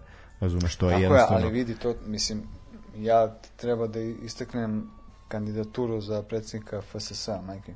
Znači, mora da se napravi neki sistem gdje Futbalski savez Srbije mora da sedne sa, lju, sa ljudima iz mi- Ministarstva sporta, sa državom i da kažemo, ok, ljudi, ajmo da subvencionišemo firme koje ulažu u ženski futbal. Ali u ženski to je sport. postojalo u velikoj Jugoslaviji. Znači, bile su Da, da, firme, ve- tako firme je. su imale o, olakšice na nekim različitim poljima ukoliko Ne, je- su imale imale svoje klubove. Ali svoje ne samo olakšice, jednostavno ako je, su simbol, i ako, ako je simbol grada jedna industrijska kompanija, ta industrijska kompanija ima, ima sposobnost da utiče na razvoj sporta u tom Ne, gradu. vidi tad u... S, E, ali ne možemo sada da poredimo SFRJ firma- Znači je i dobar, danas gde je naravno, ali- kapitalizam takav kakav jeste. Ali nema, pa okej, Da ako ti nema nemaš- društvene ako odgovornosti. ti nemaš profit danas iz tog sportskog kolektiva, ti nemaš interes Pa da to je upravo što sam rekao, znači ako ne postoji društvena odgovornost, znači ako je društvena odgovornost možda i postoji, ali je negde u tragovima ako se gleda to, ok, daj im neku olakšicu, daj im nešto, znači nek država negde spusti lestvicu, pa će onda, ok, znači sad ja ako osnujem futbalski klub i rukometni klub odboj, nebitno, ono šta god, ako bude imao jednu sportsku sekciju, pa bit će mi lakše da o, manje ću malo možda platiti porez ili će mi neke druge dažbine biti manje ili će mi inspekcija zažmuriti na jedno oko, pa okej, ajde znači tako, znači ajde da nekako uslovimo da neko drugi ima koristi. To su one priče o finansiranju, ono što je Duško Jošić pričao pre 12-15 godina, dajte da jebi ga od kladionica zarađuje, zarađuju klubovi ili od je. duvanske Tako industrije je. ili tako dalje. To je nešto to, Tako na, je, to, vidi, na taj ti fazon. imaš na kladionicama amaterske lige, fu, futbalske i drugi, ali ajde sad da smo mi u futbolu. Znači vidi, to se tim klubovima ne vraća ništa i sad taj neki jadni bačevac kladi se na njega ko zna ko i ko zna gde, oni jadni, brate, se bore da prežive, da ovo, da ono. Potencijal, vidi, amaterski futbal je najmasovniji sport. Znači, profi, nije profesionalni futbal, nego amaterski futbal je najmasovniji sport i to se ne koristi uopšte. To je jedna ozbiljna masa ljudi i koju, koju, koju ti moraš da čuvaš, da neguješ, jer će iz nje da proistekne, ok, bit će ti bolji profesionalni sport, definitivno, a i bit će ti, mislim, kako, to toliko benefita možda im, da ima nego ja naš sad ne mogu da artikulišem svoje misli jer je toliko široka tema a ne posvećuje se niko da nam treba tri podcasta da bi mi pričali koja je to masa ljudi koja dolazi na stadione amaterskih timova koja može da privuče sponzore ako ti to lepo zapakuješ i da olakšaš i klubovima i funkcionisanje sve, znaš, koje je smrt za neke klubove kad dođe domaćinstvo i moraš da platiš sudije, delegata, redare, doktora, komesara za e, bezbednost, pa ne daj Bože još neke stvari, vidi, to je smrt, to je dovijanje, to je... Tako da, verujem da to može se reši, ali da ne postoji niko ko, ko, ko, ko se bavi time, ono, oz- ozbiljno, znaš.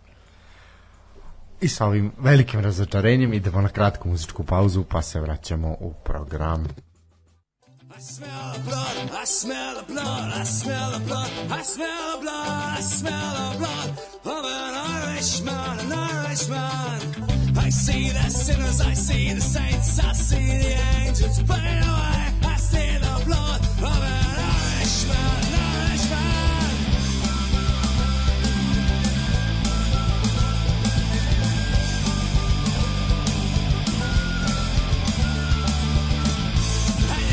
Change history to back the hands time. You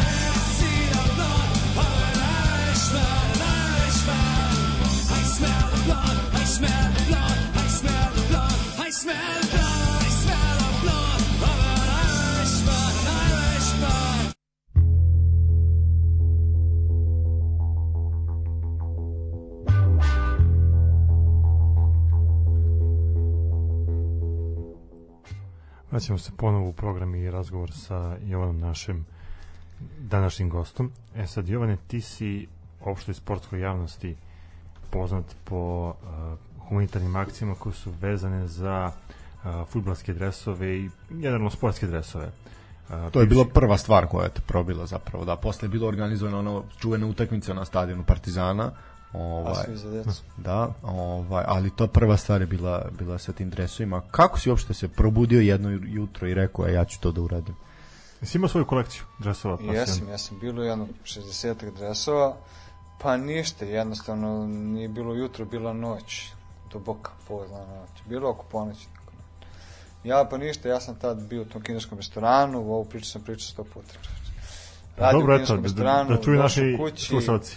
Došao kući, seo, krenuo da vrtim Facebook i ovaj, vidim sliku deteta, apar za pomoć, 300.000 eura, prepoznam da je slikano u dvorištu nekadašnje moje osnovne škole, koju sam pohađao, shvatim da je to dete iz mog kraja i rekao da nešto napravim, ono, nisam imao neke pare, ono, jedan, studiraš, em radiš, znaš, ti ne možeš da napraviš neki, ali rekao, ajde da prodam te dresove, ali ne preko interneta, nego da okupim ljude u osnovnoj školi, lokalna zajednica, skupimo 1000, 2, 3 evra, super.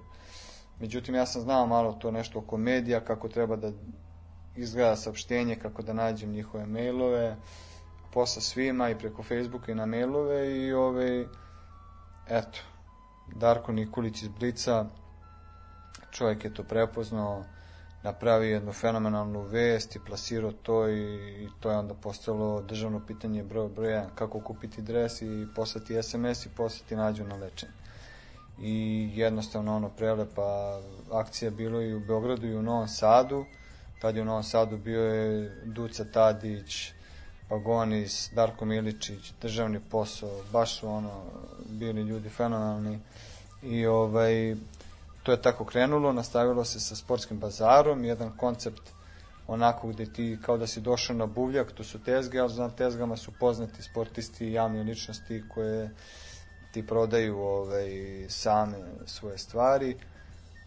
Humanitarni mečevi, jedan od prvih asovi za decu, pa je onda bilo i na stadionu Voždovca jedan meč, pa na stadionu Vojvodine kad su se okupili asovi Voše, i to je u ono prenosu na RTV-u prokidalo jer, jer, jer su ludaci iz državnog posla ono, komentarisali to je znam da su mi sa RTV-a rekli ono da su reakcije bile brutalne, fenomenalne. I ovaj Užice, svašta je tu nešto bilo penalno za život, znači eto uvek neka priča sportska, a opet da ljudima pružiš neku vrednost za uzvrat što će ti dati novac koji ćeš da proslediš u humanitarne svrhe. Da li će da šutnu penal Borjanu, da gledaju opet Tanjugu i Vorkapića, da li će da ovaj, odigraju basket sa Novicom, svašta je to bilo, tako da, ovaj, ili da večere sa Raduljom, Tako da eto, to je, to je nešto ono moje miks marketinga, da se ljudi tu privuku, humanitarnog rada i da ot, ove, se koristi sve to u neke normalne, pristojne svrhe i da se pošalje neka on, poruka. E sad, spomenuo si dosta tih sportista koji su opšte poznati našoj javnosti. A, čiji dres ti je bio onako najzahtevniji da se da se nabavi i koji ima neku najveću vrednost na, na aukciji? Pa znaš kako, nisam ja jurio da nabavim ni- niti jedan dres. Kad je krenula ta histerija, meni su ljudi krenuli da se javljaju sami, da mi šalju dresove. I sve tu bilo svega i svačega, znaš, ali ono, ajde dres Kristijana iz Manchestera, pa znate. Ali kao dres od, dres od Savićevića iz Milana s potpisom, dres od Dejana Ramba Petkovića iz Venecije, Savo Milošević iz Rubina, dresu kojem je dao gol za titulu, ajde Krasić, CSKA, šta, ja znam, mislim, bilo je stvarno svega i svačega, naš, na, naš čega je bilo, ono, bog, mislim, vidi to, ne znam čega nije bilo, Divac i Peđa iz Sakramenta, Miličić iz Minnesota, Mad, Vasa Mić iz Sidneja, ne znam šta bi trebalo, znaš, znaš kad više ni ne mogu da se setim, toliko je, ono, Pixi iz Nagoje, da, to je bio, to je Rokvić kupio, svašta je bilo čoče, Kežman iz Bate Borisova, Ozbiljno, ozbiljno. Kežman iz PSV-a, ma, ma, svašta je bilo čoče, baš ono, svašta. Girardino, Fiorentina, Zlatan, Milan, mislim, vidi. Koga god sad da ti padne na pamet, bio je njegov dres, jer su se javljali čak i futbaleri bivši pa mi davali, ono, lupa Mijat iz Fiorentine, Mijat iz Reala, ma svašta je bilo, ono, bukvalno rariteti za koje si mislim da ne postoji više, ono, dres Darka Kovačevića i Ivice Kralja sa svetskog prvenstva 98. Uh, ma ludnica, baš. Spektakularni dres. Znaš, ono, i, Ja... Bilo još nekih sportskih rekvizita osim dresova? Kako? Je bilo još nekih sportskih rekvizita osim dresova? Ne znam, kapica, vaterpolista... A da, kapice, da. Kapice, neke lopte, ali ove, šta je bilo to od rekvizita? Pa dobro, pa Goni se dao svoj pojas, on kad je osvojio svetsku titulu. I šta je bilo? Neko je dao rukavice, sigurno, nešto tako. Pa dobro, mislim, ozbiljno, Vidi, ozbiljno. svašta. Mislim, to pa i sad to, bilo je to i poprilično davno, ovaj, Davno, sad već to treba se, treba se setiti. Mislim, ja znam da sam to ono kao klinac u srednjoj školi, tad još uvek, ono kao i gledao sam upravo sa, sa blica, ono, te slike i to sve kao jebot. A mislim, i sam sam, da kažem, neki kolekcionar, ovaj, ne naravno u toj meri, ali... Ne, nego baš dresove i šalove.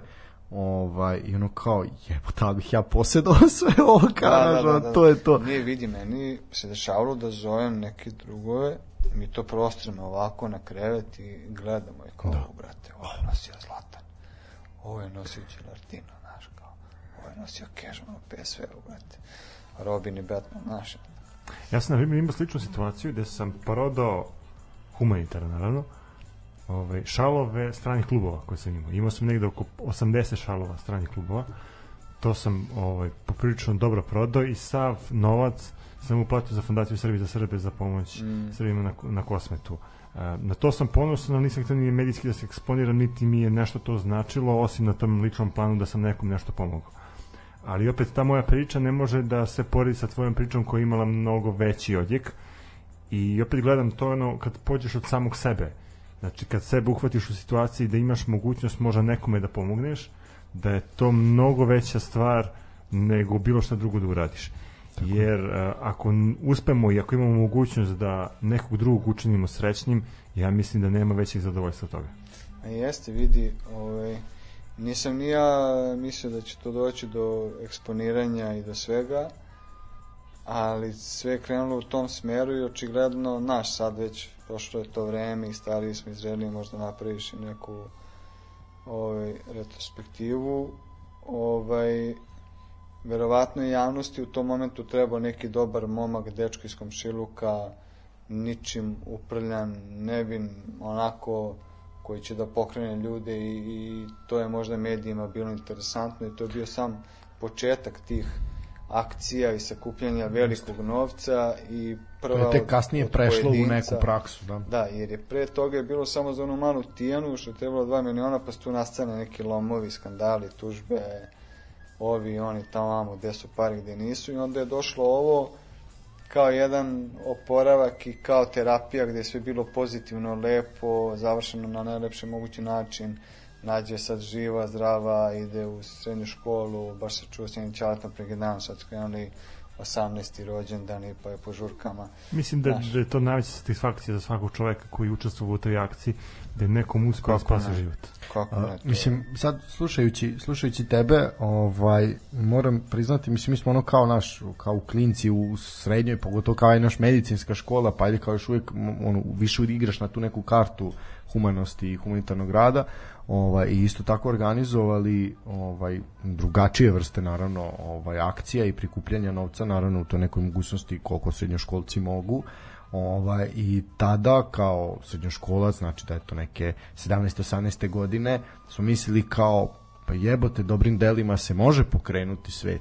I onda dođeš i upadneš u neku, sam si rekao, taj neki, ne baš zverski moment, ali u tu neku monotoniju i neku patinu, patina se neka uhvati na tebe kao, ma ne možeš ti ništa, previše si mali da mogu nešto da uradiš. I upravo sad, mislim sad je je nekoliko poruka, pa zato, zato to pričam, ovaj, upravo to, znaš, kao, ovakva priča i takva energija pokreće ljude da ipak može nešto, kao neke ja doprinesem milimetar, ali ako nas 50 doprinesemo po milimetar, pa smo nešto uradili. Tako, je, ali, Upravo ali- to imamo ali danas i tu negativnu selekciju u medijima gde svaki Naravno. dan slušamo o nekim lošim stvarima. I Tako kada je. se pokaže neki dobar primer prakse, da je neko nešto uradio, da je nešto a, vredno pažnje, a, ljudi se vežu za taj moment i vežu se za tu osobu. Jeste, ali vidi, stvarno, kroz sve što sam radio, uvijek je bilo nemoj, nećeš moći. Za sve, za dresove, brate, ko će doći, to ti kupi. Za bazar, brate, gde ćeš popuniš 20 štandova, sad treba ti doći zvezda prizana. Za, a s ove za decu, vidi, ja sam zvao tadašnju garnituru Futbolskog saveza, onako prepaljan klinac, i rekao, ljudi, ja bi da napravim, vidite ideju, ja ću sad sve da ih okupim. Kao, e, mali, vidi, pokušali smo, mi, oni neće da dođu, ono, bolje nemoj, vidi kad ti iz Futbolskog saveza, to neko kaže, e, mali, nemoj, pokušali smo, mi sto puta, oni neće. Pustim slušalicu, ali, znaš, ja sam bolestan kažem, e, sad ću da nam jebe mate sve. Mislim, fig, znaš, znači, e, sad ću da ga napravim, razumeš? I bukvalno, šta god da sam uzeo da radim, bilo je nemoj. Znači, klub, nemoj te, bra, šta ćeš klub? Ženski klub, a u, budale, šta koji si ti psihički bolan. Pa ima sve, ženu. Sve je bilo nemoj. Drugo, inicijativa, bez inicijativa ne možeš. Ja ne znam da li ljudi, ljudi misle da je mene nekad neko video kao vidi go je dobro što da radi. Voždovac. Ja se sam javio. Ljudi, ja, ja, ja sam taj taj, ja bi radio to i to na taj i taj način, to i to fali. Oni ljudi videli, imali sluha, rekli ok, ovaj, mom, ovaj momak priča, nešto vidi, pustili me, desilo se šta se desilo. Zapalim iz Voždovca, on, olimpijski komitet, e ljudi, ja sam free, ja sam radio to i to, super, dođi, op, idemo. Znači, ljudi, morate se, bukvalno, iscimate sami i nije, nije to da se ti negde guraš, nego samo kažeš, ljudi, ja sam taj i taj, ja bi to i to na Da, taj i taj stojimo na način. raspolaganju. Ja stojim na raspolaganju. Pa, to je to, to je bila naša priča i koliko puta smo mi, nas dvojica dobili po ušima, kao naš, mi vi da pričamo o domaćem sportu, naš, o nekim lepim stvarima iz domaćih sporta, razgrni blato i govna, ima tu nečeš, nečeg što i miriše i što je lepo. Ovaj, zrašće neki cvetić, a ste vi normalni, koji ste to slušati, zašto to radite, i jebi ga, ja vidiš, došli smo, pa smo pronašli svoje neko mesto. Tako da, ne treba, poente da se ne treba, ne treba predavati. Ovaj, i, Kaki, nikad, nikad. Vidi, sve dok ono, diše što je borba. Tek kad me budu ono, pokopali u sanduk i to, tad se, se gasi. Do tog momenta vidi, klan kroz zid, šta god može, šta god, gde god, nađi rupu, nađi prolaz, to je to. Kad bude ravna linija, c, onda, druže, znam da ne mogu ništa. A sad, dok, dok dišem, dok mogu, samo rok. Viš kako ovo sad kontra Darku kog smo imali pre nedavno koji ono, mi smo toliko pokušali ono tri sata, predivna tri sata priče s njim i ono kao pokušaš da uvijek, znaš kao, pa, pa znaš, moj, bori se, može biti nešto, ono se uvijek vrati kao, ma kako i kao ne, ono, ali dobro, čovjek je proživao to što je proživao, jasno je, mislim sad već sa Dobro, opet mnogim sve životnim to, sve to iskustvom. važi na, na ličnom primjeru. Naravno, naravno, ali ono znaš kao, ovo, koliko sad ovo mnogo bolje zvuči, ovaj, koliko je već sad bolja reakcija, ono kao, da, ono kao, da, narodu je potrebna vera i neka nada i neki Znam, puš, vidi, ono. ali zamisli da ja sebe krenem da projektujem negativno. Šta sam ja sve uradio za ovu zemlju? Nemam posao. Ko sam ja šta, druže, ko si ti, to što si uradio, si uradio i aj sad dalje, razumeš ili da ja se krenem, nije mi se jav, to kad me pitaju kao, a ko ti se od sportista nije javio, ko ti nije došao, vidi,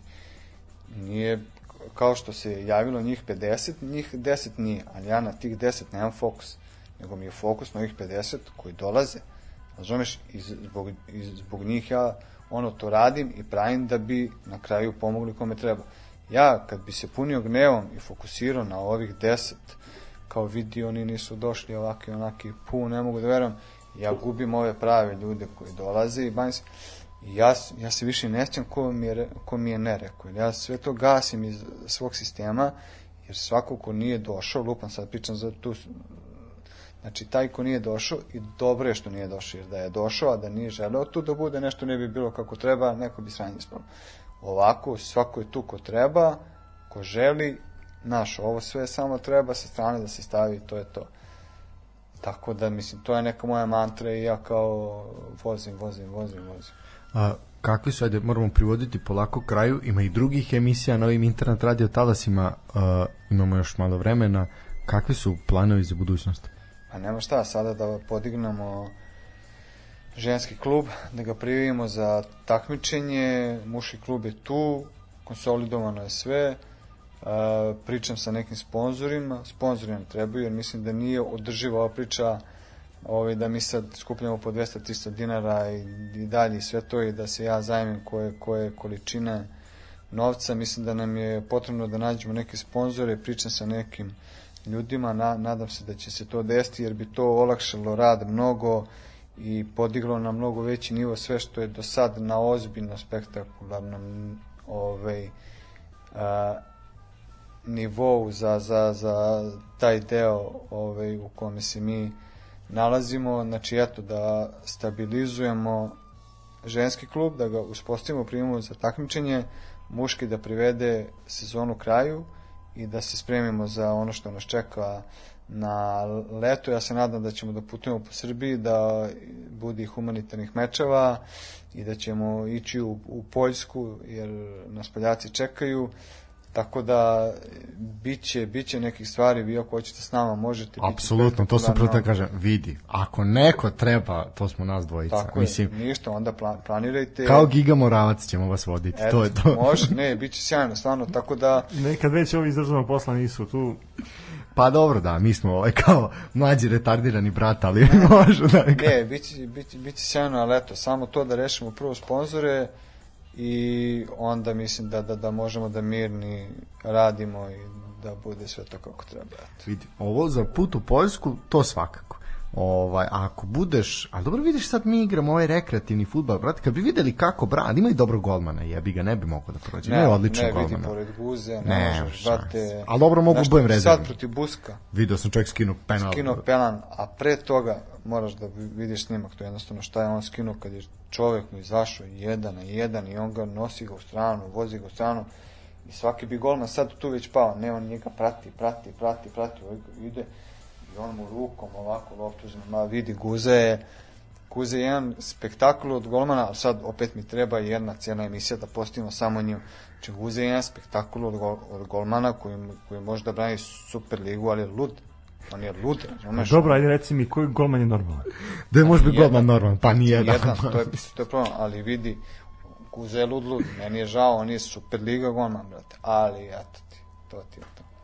Ovaj tako da ništa, ako ne, ne možemo proći ko fudbaleri, to ne možemo. No, dobro, nikad Ti možeš nikad biti se- Raća Petrović za sirotinju, realno. Ovaj ovaj ja ne mogu, ja mogu proći kao drugi, možda treći golman. Ovaj onog što ga prvi prvi izađe na zagrevanje, pa njemu prvo vređaju familiju. Ovaj ali eto kao svakako reporteri i kao komentatori to možemo ovaj proći lagano. Svakako mi se nadamo eto, da ćemo imati prilike da, da budemo sa vama i u narednim mečevima i da ispratimo Također. vaše uspehe. I akcije ćemo akcije ispratiti koje kao radite, i do da. sad, da, to je ono što negde ovaj se po, ono što sam rekao poistovećujemo sa vama, ovaj i sa tobom i sa sve to što što klub, klub radi, ovaj jednostavno za takve ljude i za ljude koji rade takve stvari i za takve akcije u ovom našem malom internet prostoru će zaista uvek biti mesta i uvek ćemo pozivati na to i naravno ovaj, a nadamo se sad kad malo gorivo pojeftini ili eventualno ćemo koristiti voz pa ćemo malo se više i družiti na Miljakovcu. Hvala vam puno, mi vas čekamo, a ovaj, eto, Poljsku, planirajte, čujemo se pa idemo. Znaš, nikad, nisam, znaš ono kad ti neko kaže, pogotovo neko s Miljakovca, kao mi vas čekamo, to baš ne zvuči prijatno. Ne, ne, bit, bit ćemo fini.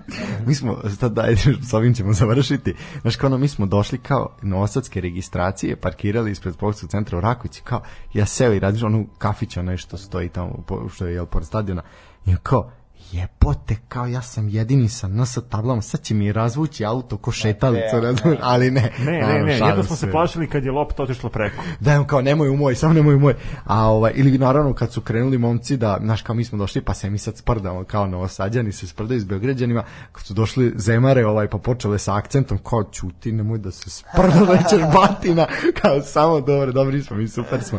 Ali dobro, ovaj sve sve sve šalimo se naravno bilo je jedno jako prijatno lepo iskustvo ovaj i svakako ovaj da ćemo doći doći ponovo. Obavezno. Jovan, još jednom hvala tebi na izvornom vremenu. Hvala. A, Želimo vam puno uspeha u nastavku sezone. A, To bi bilo to za večerašnje uključenje sportskog pozdrava. A, Naredni put se vidimo već sledeće nedelje, verovatno u istom terminu, znači ponedeljkom od 19 časova. A, Vama svako dobro i do daljeg slušanja sportski pozdrav.